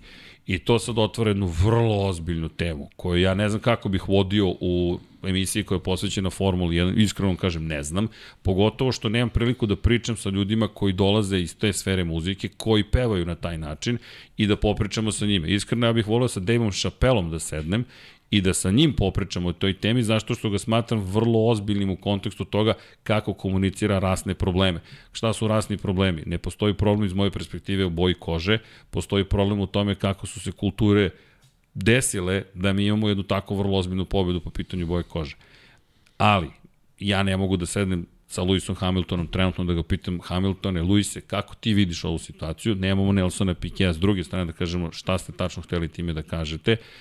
I iz te perspektive ne znam kako bih produbio tu temu. Mislim da je katastrofalno da pričamo, da, da postoji rasizam, ali ne znam šta bih vam dodao više, da ne otvorim Pandorinu kutiju koju ne znam ni kako da zaključim. Osim da vam ponovim još jednom, rasizam je glupost. I to je uvek zloupotreba situacije, ali bih voleo, kažem, da sačekamo par dana, da čujem šta je hteo time da kaže. Što se tiče Jurija Vipsa, postoji razlika kod Jurija Vipsa. Juri Vips je, to ono što sam i pričao prošlog puta, prekršio vrlo jasna pravila igre. Dakle, Juri Vips pritom nije trostruki šampion sveta Formula 1 pa da se ostvario, nema porodicu iza sebe, nema unuke, nema uspehe koje ostvario Nelson Pike, pa da kaže, pitanje pritom i Pike koliko godina čeka ispred njega i tako dalje, tako dalje. Juri Vips je u korporaciji i on je potpisao ugovor koji sam siguran da kaže ne možeš da se ponašaš na određeni način i onoga momenta kada je to uradio, ja pričam prvo o tom aspektu, tu je kraj priče. Jer mnogo je bilo pitanje zašto biste upropastili njegovu karijeru. On je sam upropastio svoju karijeru, zato što je prekršio svoj ugovor koji je potpisao. Ako nije pročitao šta piše u ugovoru, ne znam ni šta bih prokomentarisao. Nisi pročitao nešto što si potpisao. To je definicija ludila. Dakle, nemojte da potpisujete nešto što niste potpisali. Tako da tu se pa i ja razlikujemo u kontekstu toga kazne koje... Da, i sreća tvoja Paja nije tu. Paja nije tu, da, ne, zato isto bi, volao bih da je Paja tu, jer sam siguran da bismo imali opet, ako ne u nijansama razlike, možda suštinske razlike, ali nije razlika naš u poimanju, u, u tome kako gledamo rasizam. Rasizam svi posmatramo kao nešto što je odvratno. Ali ono što je pitanje koje Paja postavio prošloga puta jeste šta je zapravo definicija rasizma u tom kontekstu u komunikaciji i činjenica da u svakoj situaciji praktično imate mikrofon i sada ste postali javna ličnost. Da, postoji problem i takozvane kulture poništavanja ljudi, to je cancel culture. Sam Brazil inače čuven po tome što je e, vrlo kompleksna jedna civilizacija u pitanju i gde se insistira na dijalogu. I sad, nemamo sagovornika adekvatnog, nemamo Hamiltona, nemamo Pikea, nemamo Vipsa na raspolaganju, još, jednog dana nadam se da će biti na raspolaganju, i takođe ne možemo da sednemo s nekim koga ta reč pogađa da pitamo njega kako se ti osjećaš u toj situaciji. Mi možemo svako iz svog minjeja, dakle neko da nas vređa na nacionalnom nivou ili nekom sličnom, kako bismo mi reagovali. Nije da se to nije dešavalo, ali opet da vam kažem pravo kako ću da reagujem u svakoj situaciji, nemam pojma.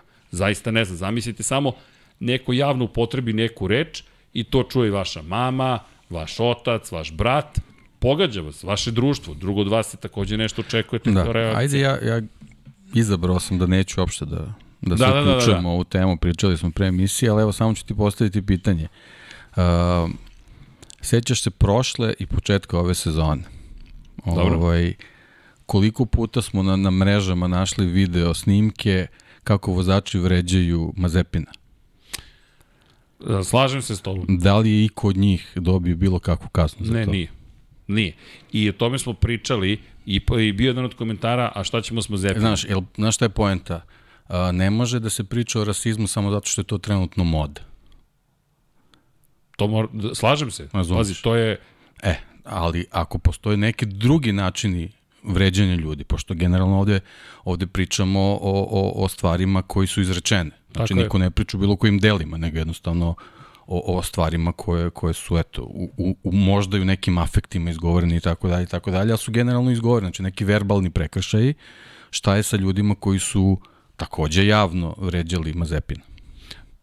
I šta se na da kraju sve vratim... desilo s njim zbog nekih drugih situacija, opet zbog nekih drugih trendova i tako dalje i tako dalje. Ništa. Eto, to se desilo. Eto, samo to. Apsolutno samo ništa. sam, Vidi, samo sam Kad- postavio pitanje, apsolutno neću da, kad da nam dođe Paja sledeći nego, da. put, ja cenim da će Paja imati šta da kaže, ali bih volio da budeš tu, ne zato što želim tvoj komentar, zato što je Paja tu, već zato što treba voditi dijalog. Ja imam problem što ne znam s kim bih vodio dijalog. Uh, vodimo dijalog o tome kako posmatramo stvari. Ono što ja želim da saznam jeste šta je Nelson Piquet time hteo da kaže. I šta konkretno to govori. Dakle, ja imam problem uvek, ja sam možda osjetljiviji, ja imam problem u tom kontekstu kada se izgovori neka reč. Razumem afekt, razumem situaciju, inače, samo da napomenemo i veze koje postoje. Nelson Piquet ima direktne veze sa Maxom Verstappenom na porodičnom nivou. Pa dobro, da, to je sad krenula ta sapunica i meni je to okej. A, Opet, kažem, stvarno ne želim da ulazim u to, ali je samo činjenica da o, ovo sve što se desilo u zadnjih 24 sata je vezano za izjavu koja se desila u novembru 2021. godine sa intervjuem koji je bio apsolutno dostupan na društvenim mrežama. I ne samo je generalno je bio, dakle, Znači šta je sad? Znači ra, a, a, neko je preveo pa je nekome javio ili je nekome odgovaralo da to u ovom trenutku bude? apropo, Kažem, jednostavna tema ne ulazim je u to, da, apsolutno ne, ne ulazim u to i upravo to što si ti rekao. Uh, ne znamo težinu te reči na, na, na jeziku na kojem je izgovorena, a sa druge strane, apsolutno se slažem da nema nigde, ni, ni u kom segmentu ne sme da bude mesta vređanju. Apsolutno ni na koji način. Ali samo sam dao eto neke primere iz istog sveta kako je nešto prošlo potpuno nezapaženo, zato što se desilo nekom koji u tom trenutku iz nekog razloga na marginama, a opet sa druge strane, kad je nešto u nekom trendu, onda je vrlo, vrlo bitno. Da, inače, Ja bih volao da ne postoje trendovi. Volao bih da se ovaj, 24 sata svakog dana priča o tome. Ali ne samo kad su trendovi. I, i ovo što si rekao, ja uh, uh, mnogo, mi- ne, ne, ne mogu sad da kažem smeta, nego sam, samo se zapitao, na primjer ta Fetelova kaciga koju si spomenuo, kako je simpatično prokomentarisana, a jako je bitna tema. Da, jako je bitna tema. I ono što smo rekli, i kontroverzna iz perspektive toga što on jeste vozač Formule 1 i istovremeno je tema o kojoj, pošto je simpatično, nećemo ni dalje mnogo pričati. Ali, zato kažem, ono što moram priznati, ponosan sam što niko, što imamo različita mišljenja i što ih iznosimo. Kažem, ja sam verovatno osjetljiviji. Ja prosto smatram da tu postoji problem. Dakle, to je takozvani okvir, framework, da tako ga, ajde, da, da rogobatno nazovemo, to je okvir u kojem trenutno komuniciramo. I postoji mnogo stvari koje smatram da se loše rade zato što ne postoji dijalog. Ja imam problem sa odsustvom dijaloga. Dakle, ti si a priori gotov, to, to se slažem s Pavlom. Ali takođe postoje neke stvari koje su postale prosto deo toga da kažeš čekaj, u ovom momentu to je neprihvatljivo. Da. Stvari koje su bile prihvatljive, danas, komentarisao sam danas u, u podcastu Office Talks, apropo Hanta, koji je drugačiji bio, Barry Sheen, James Hunt su bili takozvani playboyi. Danas, pa je pitanje da li bi oni mogli da opstanu. Pri čemu ti imaš de facto javno znanje o tome da je Sheen organizovao orgije manje više. Ba, čo- da, ali recimo, evo, kad sad kad si pomenuo Jamesa Hunta, on je jedno vreme bio komentator Tako je. zajedno sa Marijom Walkerom. Znači, on bi za svaku svoju trku, za određenu kvalifikaciju određenog vozača u određenom trenutku, Danas dobio otkaz. ne otkaz, nego, Nego bi bio bukvalno čovek koji bi bio Da. da. nipodaštavan, bez obzira je. na što je postigao. Tako da, ali A komunikacija on se je, recimo, promenila. eto, generacija vozača Nelsona Piquet. Pazi, ali pa, šta se Pavlu desilo, to ti sada ironija. A, jedan od komentara na društvenim mrežama je bio da je Pavle rasista. Ljudi, ništa dalje od istine ne može biti. Ali to je opet problem s kojim se suočavamo. Problem je što, što eto, opet vezano za neke trendove, reči dela se prilično izjednačavaju, što Ne, nikako ne sme da bude slažem se. Ali meni je, e, jer došli smo u situaciju da je neko optužio Pavla da je rasista. Zato što Pavle ima drugačije mišljenje. To vam je klasičan primer da radite ono što zamerate drugima. A, Danas sam komentarisao isto to, na primjer, apropo boomera. Zamerite nekome nešto, ako ste iz mlađe generacije, kažeš, ok, boomer. A, Pa ti si upravo sada nekoga kategorizovao na osnovu njegovih godina. Zar to nije isto što i rasizam, nacionalizam ili bilo što drugo? Grupišeš cijel jedan segment ljudi i kažeš im zato što si rođen u tom i tom periodu, defaultno je stanje da ti, ne znam, ne razumeš, glup si, bezobrazan si, šovinista si, rasista si i tako dalje. To je mnogo loše. Loše je što nema dijaloga. I ja nemam problem sa Luisovom reakcijom, pošto se vidim reakciju na njegovu reakciju. Ljudi, On ima pravo na reak- reakciju, Apsolutno. apsolutno. Apsolutno. On jedini ima pravo na reakciju. Ja imam problem sa duši brižnicima koji se zgražavaju sada za potrebe Luisa Hamiltona. Luis Hamilton nije malo dete. To je sedmostruki šampion sveta koji ima 103 pobjede, 103 pol pozicije i najuspešniji vozač svih vremena. Njegova reč je takođe veoma važna. I u redu je što on kaže nema mesta rasizmu. Apsolutno nema mesta rasizmu. Ono što bih ja voleo da se desi kao korak dalje jeste dijalog. A to znači, čekaj, Nelson Piquet je vrlo ozbiljan vozač. Tri titule šampiona sveta. Ja bih voleo da čujem da postoji dijalog. Bukvalno dijalog. Jer u suprotnom doći ćemo do toga da ovo što si rekao, nije ni bitno šta si, ko si, gde si, kako si, apsolutno defaultno stanje je jedna reč će te možda definisati. Da, to jeste problem kada si u javnoj sferi rada, života, kao što smo mi došli u situaciju da neko optuži Pavla da je rasista. Stvarno, šta treba sad Pavle da dokaže da nije. To je, to je, to znači da si ti već kriv a priori. I to, sa tim stvarno svi imamo problem. Ne može tako. Ne, jer u suprotnom ćemo doći u situaciju da više ne priča niko ni sa kim i da samo imamo podele. Pri čemu, dok se sve to dešava, ti imaš situacije u kojima se ne bavimo ozbiljnim problemima u društvima.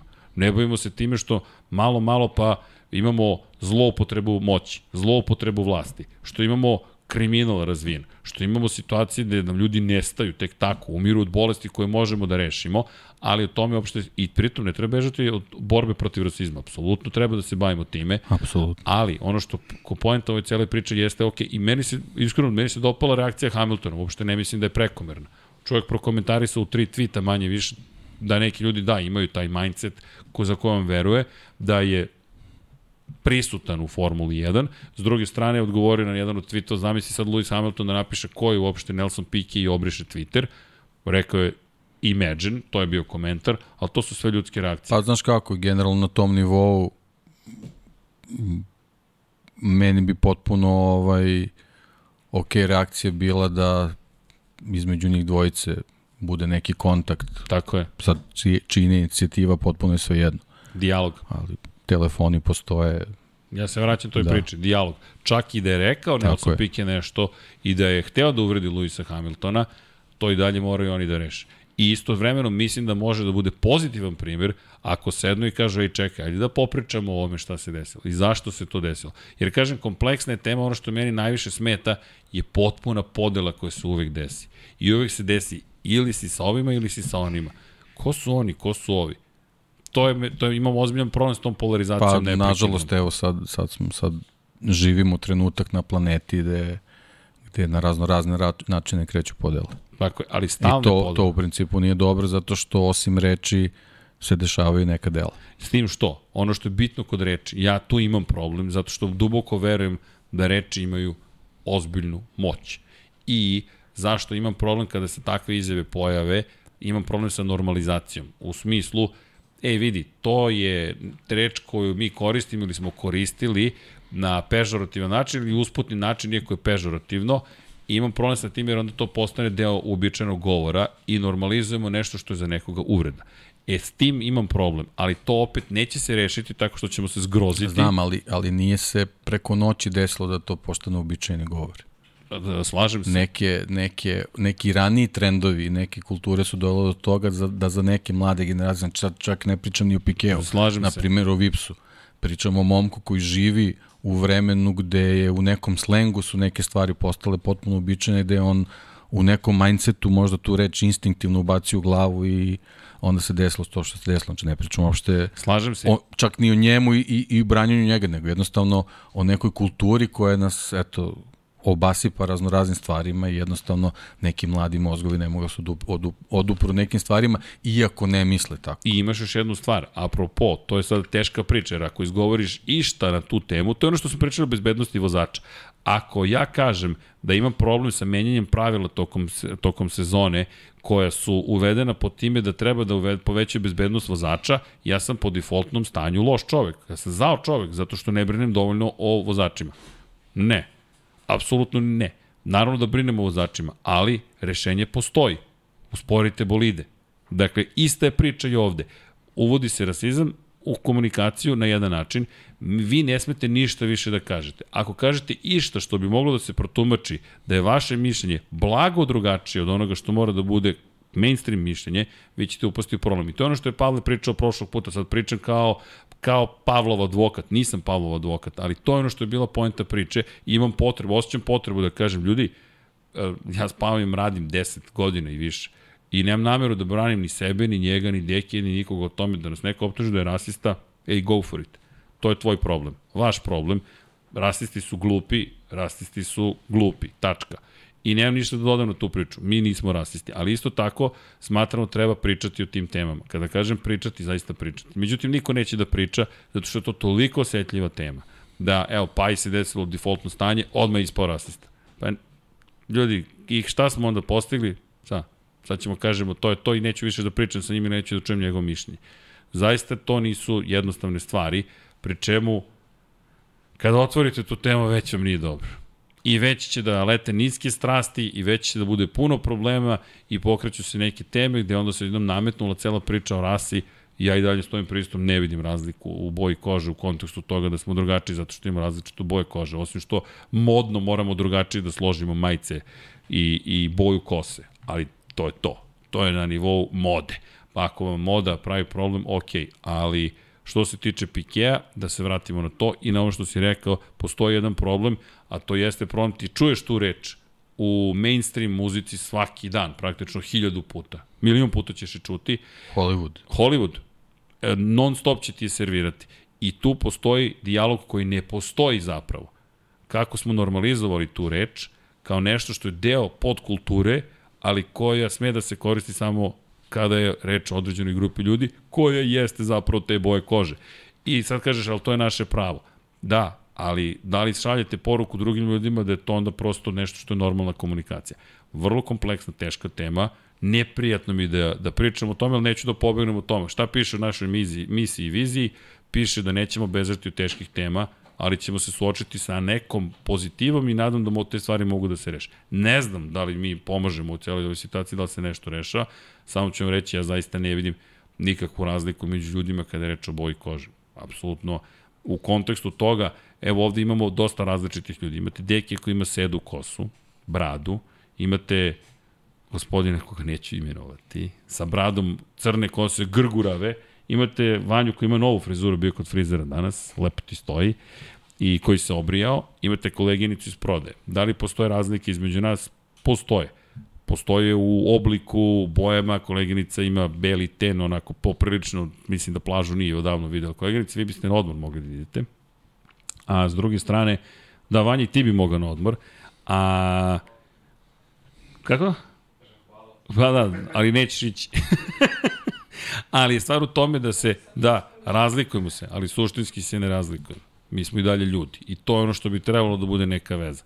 Kažem, kompleksna tema, ko me razumeo, nadam se da me razumeo, ko me nije razumeo, bit ćemo tu i sutra, i utorak sledeći, i mislim da ovo će biti sada trend, što kaže Deki jedno vreme, ali ja zaista čekam potez što Nelsona Pikea, što Luisa Hamilton i nadam se da ćemo dobiti priliku da, da oni pokažu da i kad se sretnu ljudi koji imaju različite načine komunikacije i različitih su kultura, da mogu da nađu načina da inspirišu što pripadnike svoje, nažalost podeljeni smo, rase, vere, države, nacije, religije, da kažu, ej, postoje neke razlike, postoje neke stvari koje su deo nasledđa, ajmo da vidimo kako to možemo da rešimo, da bi planeta sutra bila bolja.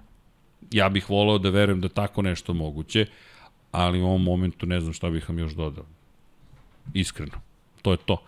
I idemo dalje na pitanje ljudi. Naravno, verujem da će biti pitanje na pro, pro po ove teme, ali ne znam šta bih dodao ljudi, zaista. Pajo, vrati se. Ali šalom na stranu, nema šta da Paja da se vrate. Čekamo Nelsona Piquet i Luisa Hamiltona i tu bih stao.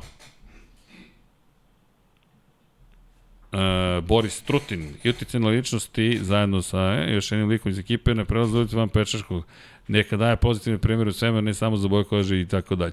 Pa, šta da vam kažem? Da, uvek možete da nađete nešto što je loš primjer. Zato kažem, baš je... Ah, Ove, ovaj, Tarik Bašić, pozdrav na ovakvu uto, utoračku večer, nisam mogao bolje završiti, slušam vaš podcast i stavljam na nove delove na boli da Norisa, nadamo se da ćemo doći da ćemo sve videti uskoro veliki pozdrav McLaren Technology Center. Javite se zaista e, bilo bi lepo da se čujemo i, i da se vidimo. Kažem, verujem ću dobiti priliku čuti i Maxa. Da, i, i utiče to i na Maxa potencijalno iz perspektive, ajde, sad svega što se događa. Ali, ah, baš teške priče. Šta ćete tako, tako, takve dve nedelje? Nekako, tamo sam pomislio, ostavi smo Vipsa iza sebe, ali vratila se neka druga priča. Inače, pozdrav za Tarika, Tariče, ukoliko se tamo Andreja David kaže moramo svi mnogo da radimo na sebi, be kind to others and yourself. Tako je. Acika, nije lako ovom liku. Ako sam ja taj lik, verujte, meni nikad lakše u životu nije bilo. Ali, hvala. Tako da, eto. A, srđani batali teme po politike i rasizma, pričate temi zbog koje podcast postoji. Pa, Milutine, volili bismo da možemo da, da kažemo da ta tema nije deo podcasta, ali tema jeste deo Formula 1. Po ima ozbiljan utice, govorimo o, o Formula 1 postoji 72 godine, a Hamilton i Piquet zajedno imaju 10 titula. Dakle, od tih 7,2 decenije, jedna je cela njihova. I kada pričamo o tim ljudima i onome kakav je njihov uticaj, to mi je deo Formula 1, šta da radite. Tako da, eto, moramo tako. Uh, F1 postala politička organizacija. Pa sve su organizacije političke u većoj ili manjoj meri, nego je, nažalost, trenutno smo došli u situaciju da je ovo baš, baš dosta. E, kaže Ognjen, ja nisam rasista, ali danas se baš preteruje. E, slažem se. Inače, e, da li dolazi era Red Bulla kao što je imao Mercedes prošle godine, pozdrav iz Hrvatske načiste na Balkanu i samo tako dalje nastavite. Hvala Božo, to nam treba neka tema koja ima veze sa formom, baš trkanjem, trkanjem i hvala za ove lepe reči. Zaista, lepo je to čuti. Trudimo se da uradimo naš deo posla, a Muhamed kaže, mislim da je Hamilton što stao odbranu vista bio veći čovjek i poko bio, po, po, po, pa znate kako, uh, Muhamede, to je opet, te, to su baš teške teme, jer ako opet podelimo strane, ja bih volio zaista da se to tome priča. Prošle godine smo to imali u Naskaru, pretprošle godine, pa je Baba Wallace bio čovek koji, koji rekao, ej ljudi, stanite, i bio je upotrebljen reč koja je pogrešna, ali znam čoveka, nije rasista. Da, pogrešno se izrazio, ali ja ću prvi da razgovaram s njime. A to je Baba Wallace. I pohvale za Baba Wallace iz te perspektive. Ivan Ujasinović, ajmo tri sreća i na Delta Rally. Uh, inače, imali su vrlo ružan udes Dušan Borković i Igor Marković na, na, na reliju. Međutim, dobro su, tako da znate. Međutim, baš je bio ružan udis. Dosta ljudi mi je pisalo u tom trenutku, ali bili smo bukvalno u kabini, nismo mogli da saznamo više o tome kako su stanju Igor i Dušan, međutim, sada je sve. Okay. Tako da se nadamo da ćemo uskoro u nekoj emisiji vidjeti Srkija. Kada je tačno letnja pauza za Formulu 1? U avgustu. Počinje prv, bukvalno 31. jula je poslednja trka u julu i onda idemo do 28. avgusta nema trkanja i onda kreće Spa, 7 dana kasnije Zandvoort, 7 dana kasnije Monza. Tako da u 3 nedelje imamo tri spektakularne trke. Što? Što može da nas dovede do situacije, možda neko kaže, ej vidi, bio, bio dobar mesec jul, imamo dve nedelje obavezne pauze, zatvaraju se sve fabrike, ne sme da se radi, ali možda još uvijek možemo da osvojimo titulu, pa možda budemo imali jurnjavu ko prošle godine između Mercedesa i Red Bulla, da u sred avgusta krene zapravo jurcanje, da u te tri trke se vratite u igru. Teoretski, ajmo ovako, Ferrari odigra dobro u julu, nekim čudom, kažem čudom jer je zaista ozbiljno zadatak pred njima, i dođu na letnji odmor uz malu razliku. Uf, drama. Nema sada 2023. 2022. je živa. I onda imaš pritom na kraju tog perioda od tri nedelje Moncu. Pa gde ćeš bolje da se pripremiš ako možeš? Uh, satnica za cijel vikend i gledao sam F1 iz MotoGP iz Grčke podcaste. Uh, sad ste mi zbunili. Uh, oko satnice. Prognoza za top... E, nismo te rekli prognozu za top 3 ćemo da prognozimo. Pa dobro, ja sam, ja sam rekao. Da šta si, ti si rekao pa, prvi, drugi posebno. Red Bullovci. da. Ajmo nešto... Da. Da, da, ajde, šta ćemo? George Russell pobeđuje. Moja prognoza, šokantna prognoza. George Russell će pobediti. Pa, znaš kako, ako Mercedes i ole nešto popravi, a onda ovaj, ako se setimo tog prošlogodišnjeg kruga kvalifikacionog, očigledno da ima nešto da, da ovaj, nečim je otključao tu stazu, tako da ovaj, može da se desi, zašto da ne. Pazi, ja bih volao... Čisto da bude spektakularno. Ja bih volao George Russell. Ej, Može jedna lepa vest. Provanja upali klimu, su, o, o, ore, svestit ćemo ti se ovde. Mi smo ipak ljudi u godinama, ali lepa vest, deki. E, za ovo ljudi, sad zaboravite sve teme, ovakve, onakve, teške su i tako dalje, ali ne bežimo od njih. Međutim, od čega nećemo da bežimo, nismo ni sanjali, kamoli planirali da ćemo ući u neke situacije, a deki čestitam ti. Ozbiljno, čestitam. Koleginici iz prodaje čestitam. Gde je Dom Pablo? Tu negde. Pa, e, Srki, čestitam. Hvala, deki. Vanja, čestitam ti. Pajo, ako slušaš, Pajo, čestitam. čestitam. čestitam ti svima, Jimmy, Miksa, svako ko je ušao u ovaj podcast, Zoran, Čestitam. svaki gost. Prešli smo 5 miliona pregleda. Aplauz, Vanja. Bukvalno. Ljudi, za, na vreme našeg postojanja, dakle koliko postojimo dve i po godine, dve godine vrlo aktivno snimamo podcaste. Koleginica iz prodaje kaže, znaš šta, kažem ne znam, ne znam ništa. Kaže, prešli smo 5 miliona pregleda. Ljudi, mi se brojevima ne bojimo toliko, ali ću vas lagati da vam ne kažem da to nije nama nešto predivno i potpuno neverovatno. Hvala. Ne znam šta drugo da vam kažem, osim jedno veliko hvala, zaista je dirljivo iz te perspektive da je 5 miliona nije ljudi, bukvalno, pretpostavljam da nije 5 miliona, da je broj ljudi određeni gledao 5 miliona puta ono što smo mi radili. Hvala. Nemam predstavu šta bih drugo rekao. Moramo da javimo Jimmyu i, i Mixi takođe, i Petru, i Bogdanu, i svima, ali zaista to su neke lepe stvari, tako da eto. Šta da vam kažem? Hvala. 5 miliona, wow. E da, i pitanje za tebe, da li ćeš se obrijati ako pobedi Sainz? Nisam to nikada rekao. Šokirani. To nije povezano uopšte. Možda bolje Paja pusti brkove, na primjer, to bi bilo Paja zanimljivije. pusti. Pa da.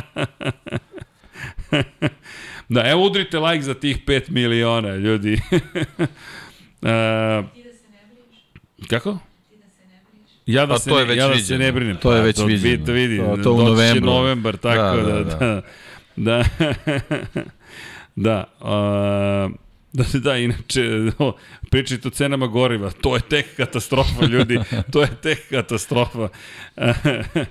Da, baš je, baš je katastrofa, ali kada, evo, čekajte, ima, pobegoše mi neka pitanja. Koliko su ugrožene staze tipa Spa, Monza, Monako, znate li nešto više o sukobu na sastanku šefova timova? A, Marko, to je čuveni sastanak pred ekipom Netflixa. Pa to je, sad priča se da ćemo to vidjeti u posebnoj epizodi Netflixa naredne sezone, taj sukob šefova timova, ali jedan od šefova timova je rekao da modelu je više da je to bila predstava za, za film. Inače, u, ovo je velika vest, izvinjam se. Prvo, još dve stvari da napomenem. Čest. ali ovo je velika vest. E, I govori o Formuli 1 i stanju o novcu. Dakle, kada pričamo o novcu, I kada pričamo o tome zapravo koliko vrede ugovori. Ne znam da ste čuli da Netflix nije dobio zapravo ugovor, a konkurisao je da bude zapravo kompanija koja ima ekskluzivna prava za prenos trka Formule 1. To mi je vrlo zanimljivo. Netflix, dakle, je posle uspeha Drive to Survive pokušao da uđe zapravo u televizijski program de facto, da postane servis koji sada u direktnom prenosu prenosi sportske događaje. Ljudi, to je velika promena u, to, u kontekstu toga kako se plasira i, i, i, i distribuira zapravo sportski sadržaj. To znači da dolazimo do toga da jedna kompanija koja je Netflix, dakle Flix su filmovi, net mreža, koja je zapravo osmišljena da vam omogući da pristupite filmovima, došla do toga da je kroz svoju produkciju uticala direktno na porast popularnosti Formula 1, a potom se kandidovala da postane i prenosilac bukvalno tog sporta na teritoriji Sjedinjenih američkih država. To otvara brojna pitanja i za kablovske operatere, za kablovske televizije i za e, celu planetu ko zapravo sada biduje za koji ugovor. Ali, ono što je zanimljivo, da za 2023. godinu zapravo e, je saopšteno da će, sad ću vam reći tačno, koliko znam, da li je NBC dobio, nisam siguran, ali je ugovor skočio na 75 miliona dolara godišnje u Americi, što je kvantni skok sa 5 miliona na 75. Priča se da je Amazon Prime, koji je inače bio distributor za MotoGP Unlimited, koji se nesrećno završio, od MotoGP Unlimited da ne ostane ništa, čisto da znate, imam snimak, to moram da stavim na društvene mreže, gde se vidi kako zapravo scenografija za MotoGP Unlimited se sada koristi za farbanje tribina. Bukvalno, koristi se u smislu da kad ti zatreba materijal da zaštitiš deo zida, koristiš scenografiju iz MotoGP Unlimited. Katastrofa. Dakle, bio sam šokiran sad u Asenu, ali me dovodi na sledeću, na sledeću stvar. Amazon je ponudio najviše. Međutim, Formula 1 nije želela da dođe do toga da samo streaming servis dobije prava za prenos trka Formula 1. Želeli su da i dalje bude televizija, a televizije idu ka streaming servisima, da je sada velika igranka. Ali mi je zanimljivo iz perspektive toga koliko je zapravo novca sada u igri u Formuli 1. I ESPN mislim da je zadržao ugovor od 2000, ili jeste? 90 miliona, to je to. ESPN je zadržao ugovor od 2017. ESPN prenosi na teritoriji fo... Do, do, do, do kraja 2025. A pogledaj koliko je vrede ugovor. Ja mislim da je bio 5 miliona dolara godišnje. Ljudi, to je skok od puta 20 a ESPN-u se to gotovo sigurno isplati. Čisto da znate zašto mi to u uvodu ovo pitanje da li su ugrožene trke 5 miliona, to ti kažem. Dakle, skok je skoro puta 20. Kako? Novi između 75 i 90. Ljudi, to su enormne pare. Samo da stavimo u kontekst stvari. Nešto što ste platili 5, sada košta najmanje 75. Dakle, mogli ste da kupite 15 godina Formula 1 za jednu sezonu po novom cenovniku. To ne plaćate ako vam se ne isplati. I to nas dovodi do priče Las Vegas, Miami i sve ostale trke koje se pojavljuju, potencijalno New York. Zašto spomenjem Moncu, Spa i ostale? Samo zamislite sledeću situaciju. Američka televizija je spremna da plati godišnje 75 miliona dolara. To je puta 3 koliko je Baku platio da organizuje trku Formula 1 po sezoni. Zamislite koliko će neki grad biti spreman da odvoji novca da bi imao trku na teritoriji Sjedinjenih američkih država.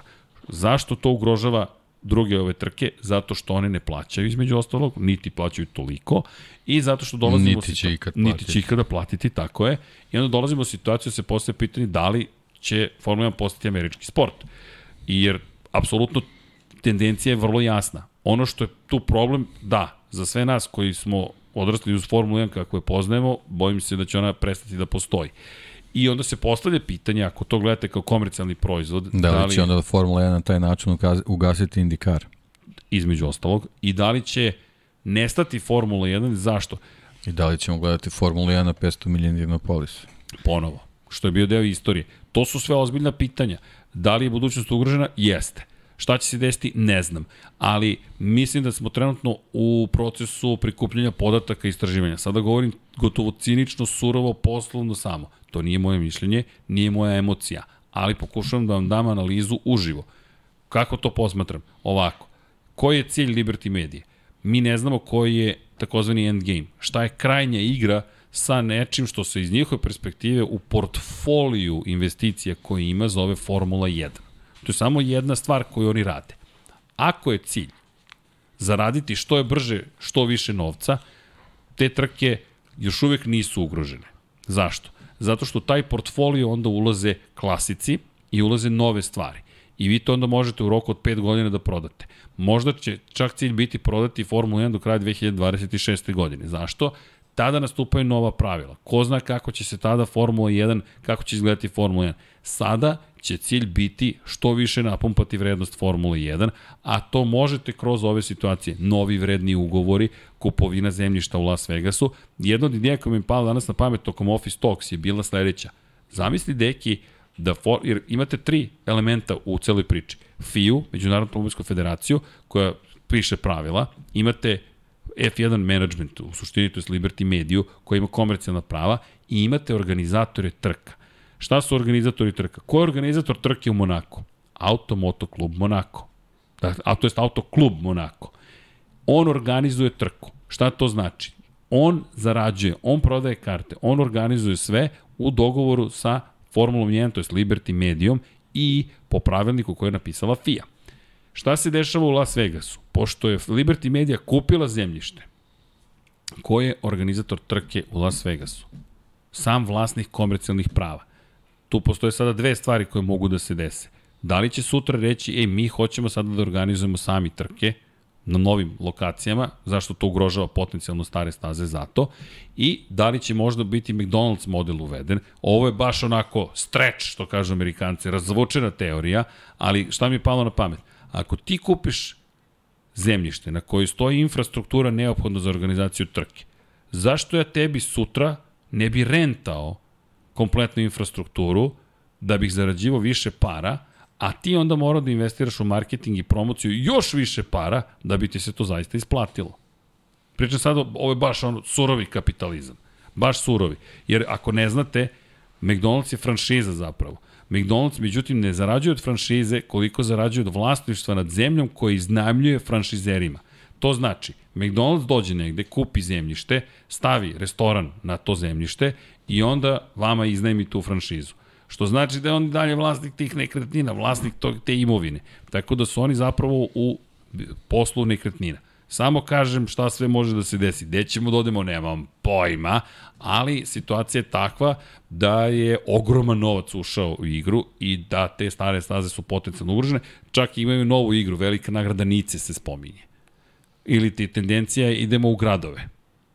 Zašto? Pa da bismo napravili što veći spektakl iz perspektive mainstream posmatrača. Dakle, ne onoga koji je kor gledalac u smislu gledaću trku gde god daje, već ljudi koji traže propratni spektakl uz samu trku.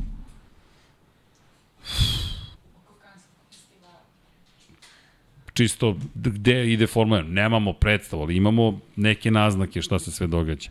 I zašto se vraćamo 24 časa Lemana i hiperautomobilima? Spasite trkanje, ne dajte nas, ljudi. Uj, gasi mi se računar. To je, šta je znak to, Vanja? Znak da smo završili. Uf, i sam srušio nešto. Sve si porušio. Šta sam srušio? Nisi. Ne, ne, ne, moj laptop radi. Nešto sam srušio. Ništa, ajde dok ti tragaš ovaj, šta si porušio, hvala Nemanji Bračku, 10 dolara i želja neka bude i 5 miliona. Hvala puno Nemanja. I Hvala. Uz Nemanju, samo da vidim, Bojan Markov 500 dinara, evo nešto se popije za 5 miliona. Hvala puno. Pa je li ima neki proseko tamo? Ima, dajte proseko, koleginice.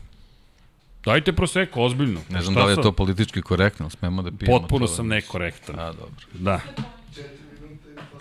Četiri, posle 5 miliona desio se kraj kanala. Ali, uh, pa ne trudim se ja da budemo politički korektni. Pa ne, otko znam sad da, da smemo da pijemo. Pa, Pa da, u stvari, pošto na postolju, ovaj, po, to ti Kažem. kažem. samo da ne poprskaš po scenografiji. To. To je, to, to je, to je onaj sladunjavi italijanski dek. Da. A mislite baš da otvorimo? Ajde, dajte. Dajte, koleginice. Da, ajde, Vanja, dodaj ti. Dodaj ti, Vanja, Vanja, dodaj ti. A, prebaci na, da, dobro. E. Hva, hvala vam. Evo, snašli smo se. Dakle, za 5 miliona svečano otvaranje. Jel može ovako, deki? Može. Smanja je, smem po mikrofonima. Nemoj, bobane. Uhu! A šta imamo šolje ove neke A imamo šolje. keramičke, ja. Neke čaše, molim vas, pa stvarno. Sa, sa. Pa kako ćemo ovde? Hoćemo, hoćeš i... Iz Neki, ovoga? imam rešenje. Ajde, ajde. Ne, ne, ne, ne. Dobro, to je ova letnja patika, to će da se ovaj šuplje sve. Čekaj, ili imamo neku, neku trkačku? Velika Nemamo nagrada to. Australije. Nemamo trkačku. Da. Da rešimo mi to, deki, da snađi se. O, o, o, o, Pajo, vrati se malo- sveti oprošteni. Trofej je malo bušan, ali nema veze. Jel može? Ajmo. A, čekaj. Nemoj tamo, Bobane. Čekaj, čekaj, vidim. Ako pogodim, ej, vidi, zvučnu izolaciju mogu da gađam. Gle. Ajmo. Bravo.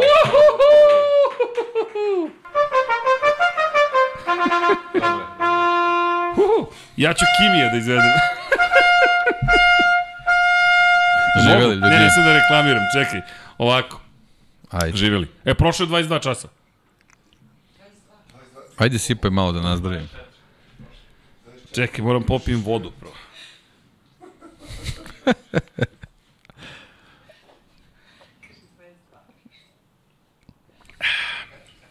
Hidrirajte se, deco. E pa, deki, E, živeo pa, ti Srki. meni. Pa Bajo, propustio si biblioteku. Živeli Srki, Pozdravlje. ljudi. Ako je ovo Živeli, poslednje što će živeli. prikazati, ako nas banuju, bilo je zabavno, drugari. Lajkujte i subscribeujte se ponovo kada otvorimo novi kanal. Ou, Ili grozan. hladno, ali slatko. Da, ovo je... Ovo je... ovo je kasna berba. Definitivno. Sipaj ovde. Dobro. Evo, sipao sam. Izvolite. Dobro. Šuje, nisi hteo da izvedeš, stvarno. Nemam komentar. jel da, jel da da je srđan fan Alonsa? pa, apsolutno. Danas ću da budem fan, nema veze. Srećna nova. Sok je sok. Sok je, Sok tako je, je. sok je, sok, definitivno. tako je, sok. Je, Srki prošlo 22. Tačno 12. 0, 0, 0, 0. Šteta nema paje. E, pa kad hoće da radi vaterpolo. Ne, on ima vodu, mi imamo nešto drugo. Ne, to sutra kaže mu MotoGP podcastu paje. E pa da. To ne Paja bilo nam se vraća. Vraća nam se u četvrtak Muhamed Hajdari. Zlatko Marić je postao svetioričar početnik. Hvala. E, možemo da se čujemo tokom letnje pauze ili sledeći utorak. Pozovite Mladena Alvirovića, podcast gost, molim vas, Formula 1 bi se u Americi trebala samo držati u Indianapolisu. Opa, zanimljivo. E, hvala i za predlog za gosta. E, da, da, imamo, do davno nismo imali goste, morali smo malo da se to aktiviramo. Do kada Sport Klima ima prava prenosa Formula 1? Andrija, ne znam ja to. Dakle, izvinjam se, mogu da vas lažem, ali meni to ne govore iz očiglednih razloga. Svi biste znali, tako da to je poslovna tajna. Mogu samo da vam kažem da ću znati na kraju ove godine, jer naš direktor uvek sačeka poslednju trku sezone i onda nam kaže da li imamo prava za sledeću godinu ili ne. Ili ako saopšta javno i to je to. Imamo pehar, ali ne možemo u njega da sipamo ništa. Da, inače Madrid želi trku, apropo. Evo, pogledajte, vidite. E da, pe, e, ali to su, to su stvarno divni ljudi koji, koji, koji su... E, se vidi ovako nekako da... E, E, od, e sad se vidi. Evo. e, tamo ti je kamera, deki. Aha, ova, ova. Tako je. Evo vidi se da, da je ovaj možemo, nažalost, prilično je ovaj... Da. To su ljudi da. iz Kladova, je li tako? Tako je, zapamtio sam. Iz Kladova pozdrav za ljudi, ne znam da li nas još uvek gledate, hvala vam za pehar, mi se ponosimo pehar, nadam se da ste još uvek sa nama. Pre ponosni smo, hvala za sve poklone koje ste nam svi poslali i ne, ne znam šta bih... Hvala Marini za ovaj Ferrari. Dakle, samo da znate, vozi se taj Ferrari ovde, ako se gume potrošene, da znate, to se, jel te, upotreblja. Ne, O, opet, o, o, opet, opet. Lutam. Da, za, za Madrid. Madrid zaista želi trku Formule 1, ali to vam je taj novi trend. Prosto gradovi žele Formula 1. London Živeli mama, tata, Erceg. Mama, tata, Erceg. Opa, mama, vidimo se kasnije. Ovaj, ali... Živeli. A, kod srđana u korporativnom ugovoru nema onog dela što ne sme da govori, zato mu ne govori ništa na sport klubu. Tako je, ja nemam to u ugovoru zabranu komunikacije. A, da li mislimo da Red Bull nije bio fair prema Vipsu zbog jedne izjave? Pa Adnane, to smo baš pokrili tu celu temu. E, pogledajte prethodni podcast i pre jedno pola sata smo baš pričali o tome. Vips je prekršio ugovor i sad da li je fair, ne fair, čak čak više nije ni tema, zato što je prosto to ugovorom definisano. I to ono što sam rekao prošli put, ljudi, on je završio u kadrovskom odeljenju, takozvanom, on je u HR-u. I to vam je situacija o kojoj se više niko ne pita osim njih. Da, I to je to. Kaže Zlatko, možda je nešto ljud Pajča od prethodnog podcasta. Mamo, bo nije. Nemojte da brinete. Ba, i, baš smo se lepo smejali. Inače, Pa je Srki, profesionalac. Da, jeste, pa je baš profesionalac, ali zaista. Kaže, samo neka ostane F1 na SK, to je bitno, a Netflix i ESPN neka daju 90 miliona, slažem se u potpunosti. Ali da, baš, ali zabavna bitka. Uh, Srki Deki, je, li dao, je li bi dao otkaz MotoGP režiji, samo kratko molim. Sutra E, da. ćemo, sutra ćemo. Da, inače, apropo, Uh, nisam uhvatio da li ste razgovarali ova dva utrka kako četvrtak pre zadnje trke u Kanadi data nova pravila za aerodinamiku, Merce- Mercedes došao sa novim paketom koji ima upravo te nadogradnje. Pa, znate šta, komentarisali smo i rekli smo da se ne slažemo s promenama pravila defaultno stanje u sred sezone. Baš smo imali ozbiljnu raspravu na tu temu, a što se tiče njihovih nadogradnji, Pa, da, zanimljivo je da su, da su brzo protumačili tu tehničku direktivu i možemo sad naravno da izlačimo zaključke, ali su takođe te nadogradnje uklonili već u subotu jer su zapravo shvatili da je pitanje tumačenja tih direktiva.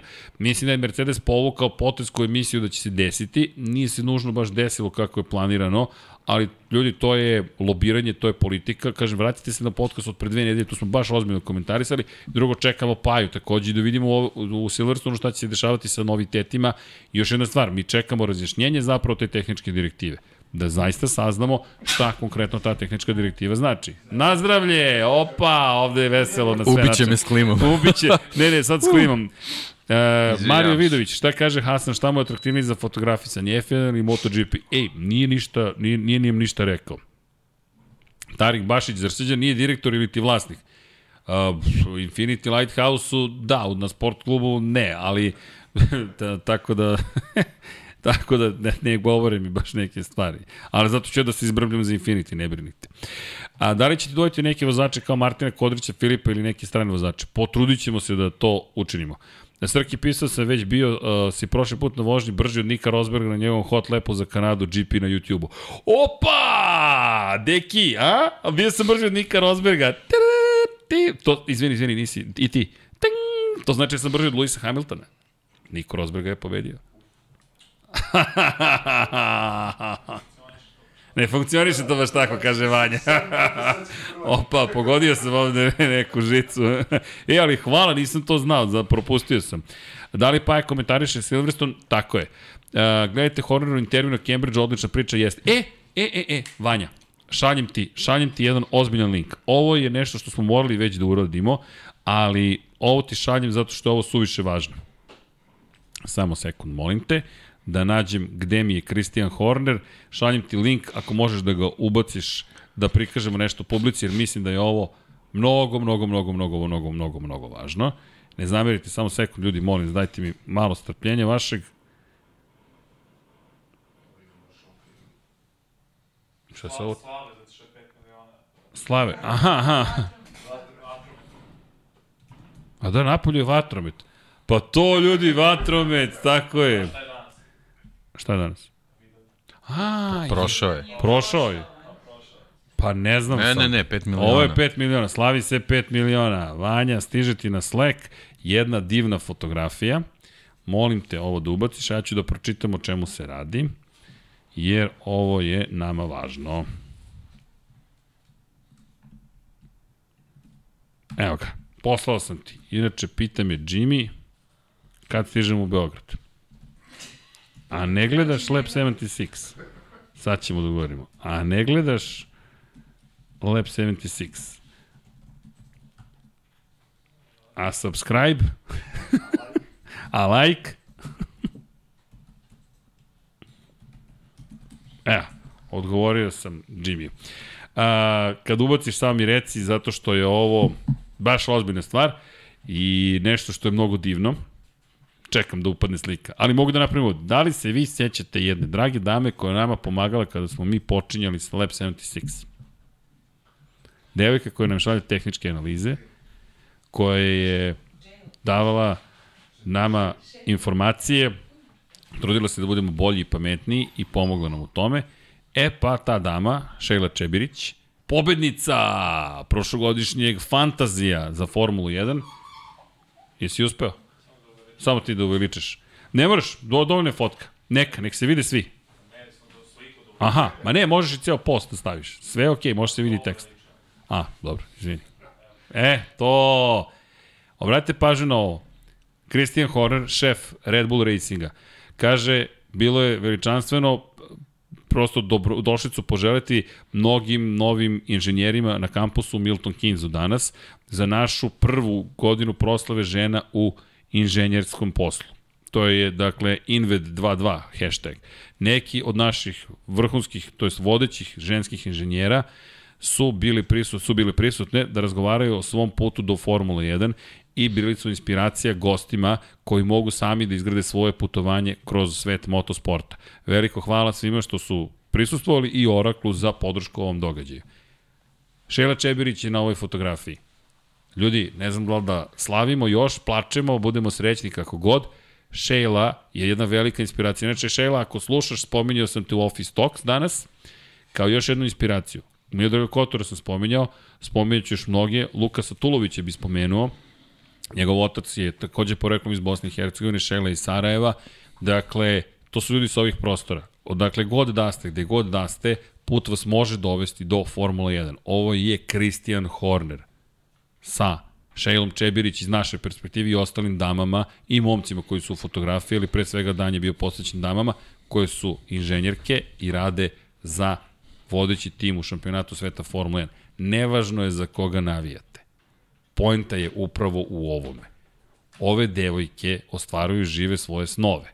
Fantastično. Tako da, ukoliko devojke slušate, nemojte da vas iko pokoleba, ukoliko momci slušate, nemojte da vas iko pokoleba, samo napred, školovanje je mnogo važno i neka vam šela bude inspiracija, čisto da vidite šta sve može da se postigne. Ali jedan lep moment i mislim da ovo prava suština svega što, što i mi radimo u krajnjem slučaju, da vas sutra vidimo i da se čujemo i da kažete, e, evo me u Formuli, evo me u MotoGP, evo me u NFL-u, gde god da sam, ostvario se neke snove, nešto mnogo lepo i zaista je fenomenalno i sama ideja da nam se Šela javila početkom našeg Lab 76 i da je sada devojka koja direktno utiče na strategiju Red Bulla je meni baš baš to je za to je za proseko, šampanjac ili šta god. Tako da to.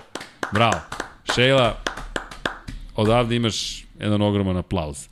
Eto, I mislim da je vreme da se polako pozdravljamo, jer u suprotnom, kako je krenulo raspoloženje, zaglavit ćemo ovde deki, obrnut ćemo krug, a taj krug od, od 37 sati ipak ćemo ostaviti za neki drugi dan. Da, okej. Okay. Šta je potrebno od škole za tako nešto? Mašinski fakultet može, elektrotehnički takođe može, programiranje takođe može. Pojente je samo da vidite kako, dakle, krenuti i dakle, šta je vaša sfera interesovanja elektronike ima, mašinstva ima, programiranja ima. Možete i kao HR, možete i kao PR, možete da do, dođete do dvojih snova, možete kao fotograf, evo vam Hasan Bratić, evo vam Andrej Saković, ko je najbolji fotograf sportske fotografije za prošlu godinu po mišljenju AIPSA? Andrej Isaković. Tako da, mnogo je puteva do Formule 1. Ono što treba da uradite jeste da verujete u sebe, bavite se sobom, školujete se, slušate i kritike i napredujete, imate zajednicu, Lab 76 koncept jeste da se ljudi koji vole ovo nađu, okupe i učini svet boljim. To je neka ideja u koju mi zaista verujemo, a Vanja je pustio muziku i želi polako li sigurno da se pozdravimo. Dakle, Aleksandar Tasić je, pa onda imam šansu, pošto sam u elektrotehničnom računarstvu. Uvek imate saobraćajna, ma može i saobraćajna, ljudi, pojente da vi imate jasan cilj i da kažete ja idem tim putem. Još jedna stvar, šta je Sheila radila? Svoje slobodno vreme je pretvorila i hobi u nešto što je bila ozbiljna priprema kasnije za ispostavići se, opa ima ovde neku belu tačkicu, Red Bull. I naravno da se prijavila negde za posao. Imala je svoj blog. Ali morala pobedi u fantaziji. Da li morala prvo? Tako je, deki! Tako je, deki! Uuu!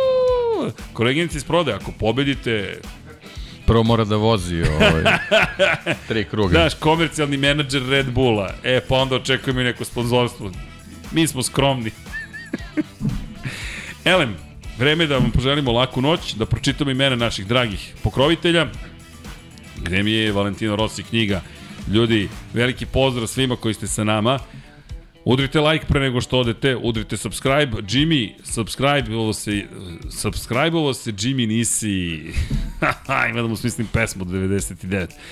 Dakle, uh, uh, E, ljudi, toliko me nije bilo na live-ovima, Srkio sedeo sa strane. E, Nije, nego se nije šišao dva meseca. Evo, Samo dva pošišat će se ako pobedi Max Verstappen. O, To je najveća verovatnoća.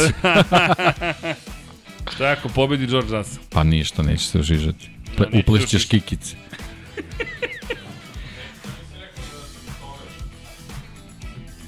Ma ne sećam se, kad sam ja to rekao? Ja?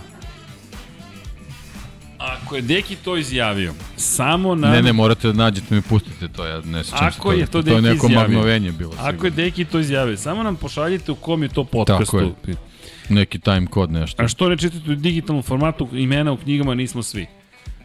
A to moramo da ispravimo, To je slažem se. Srđanova greška. Almir Vuk, Stalno izvinite, to je moja da ćemo greška. da to- Evo ovako, Ali čekaj. on ne sluša. Evo, ajmo, moram, čovjek je u pravu. Ja se izvinjam, tu smo, uh, to, to je moja greška. Ajmo da se vratimo na osnove Ajmo. podcasta. Ajmo ovako. Ajmo, nismo dugo. Ajmo, nismo dugo. E, Vanja, sam si tražio.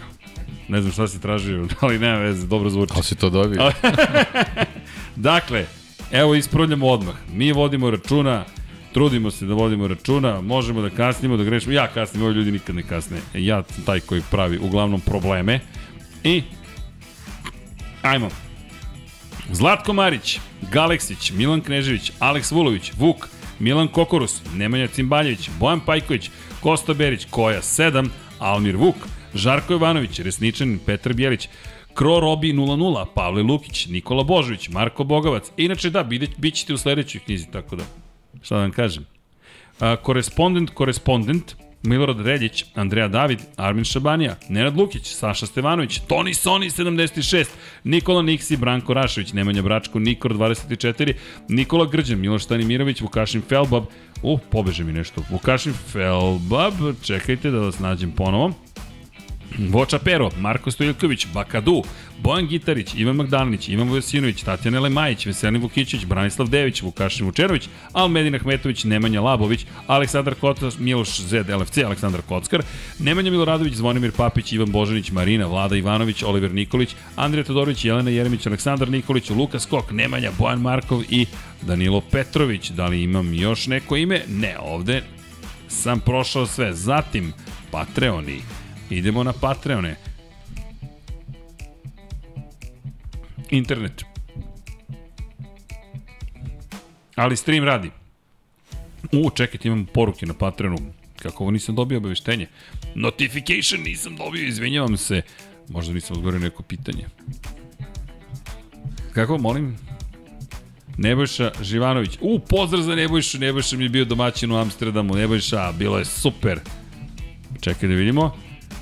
Nebojša Živanović, šta kaže? Gde se seti zima zama zoom, svaka čast. To vam kažem, Nebojša, godine su to. Nenad Đorđević, da im da imamo? Uh, prvo pitanje za DRS nakon safety cara, da li postoji pravilo nakon koliko krugova se pušta DRS nakon restarta trke? Moram da proverim, ali tri kruga bi trebalo da bude restart. Dakle, ali moram da proverim, mislim da je posle restarta kod direkcije trke. Ajde da vam ostanem dužan da proverim to. Imamo pitanje za MotoGP, to ćemo nenade sutra da odgovorimo ako nije problem.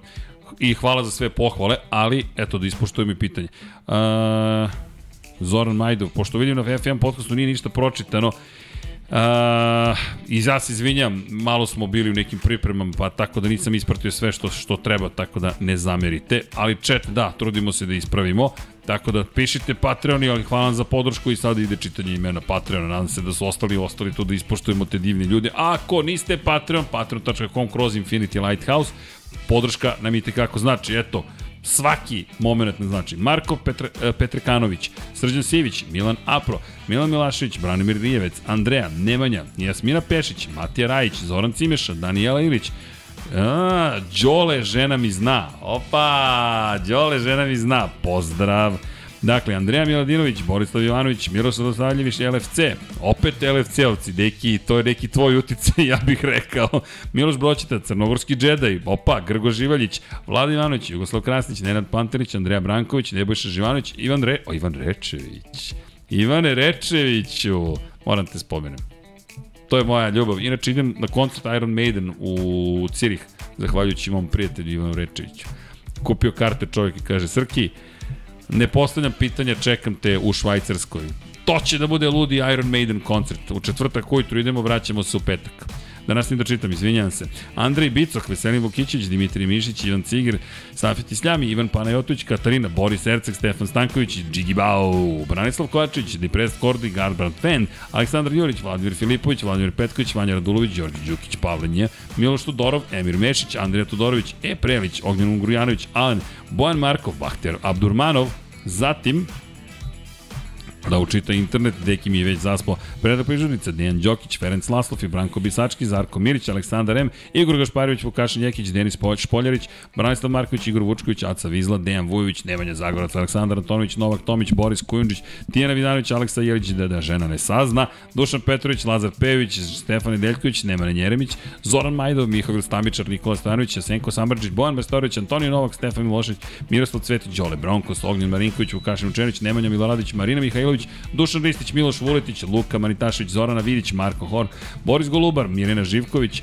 Josip Kovačić, Andrej Božo, Boris Gvozden, Nenad Simić, Petar Relić, Bojan Mijatović i na kraju ljudi koji su se prvi pridružili, ja bih rekao, Milan Nečić, Borko Božunović, Marko Ćurčić, Mlađan Antić, Kristijan Seš, Šestak, Stefan Vidić, Ivan Žorž, Luka Savić, Jelena Mak, Koša 46, Kovačević, Omer, Monika Erceg, Vučinić, Miroslav, Nena Đorđević, Nikola Božinović, Filip, Mihajlo Krgović, Đorđe Radović, Predrag Simić, Ivan Simović, opa, opa, da li smem ovo da pročitam? Da li smem da pročitam? Ili smem?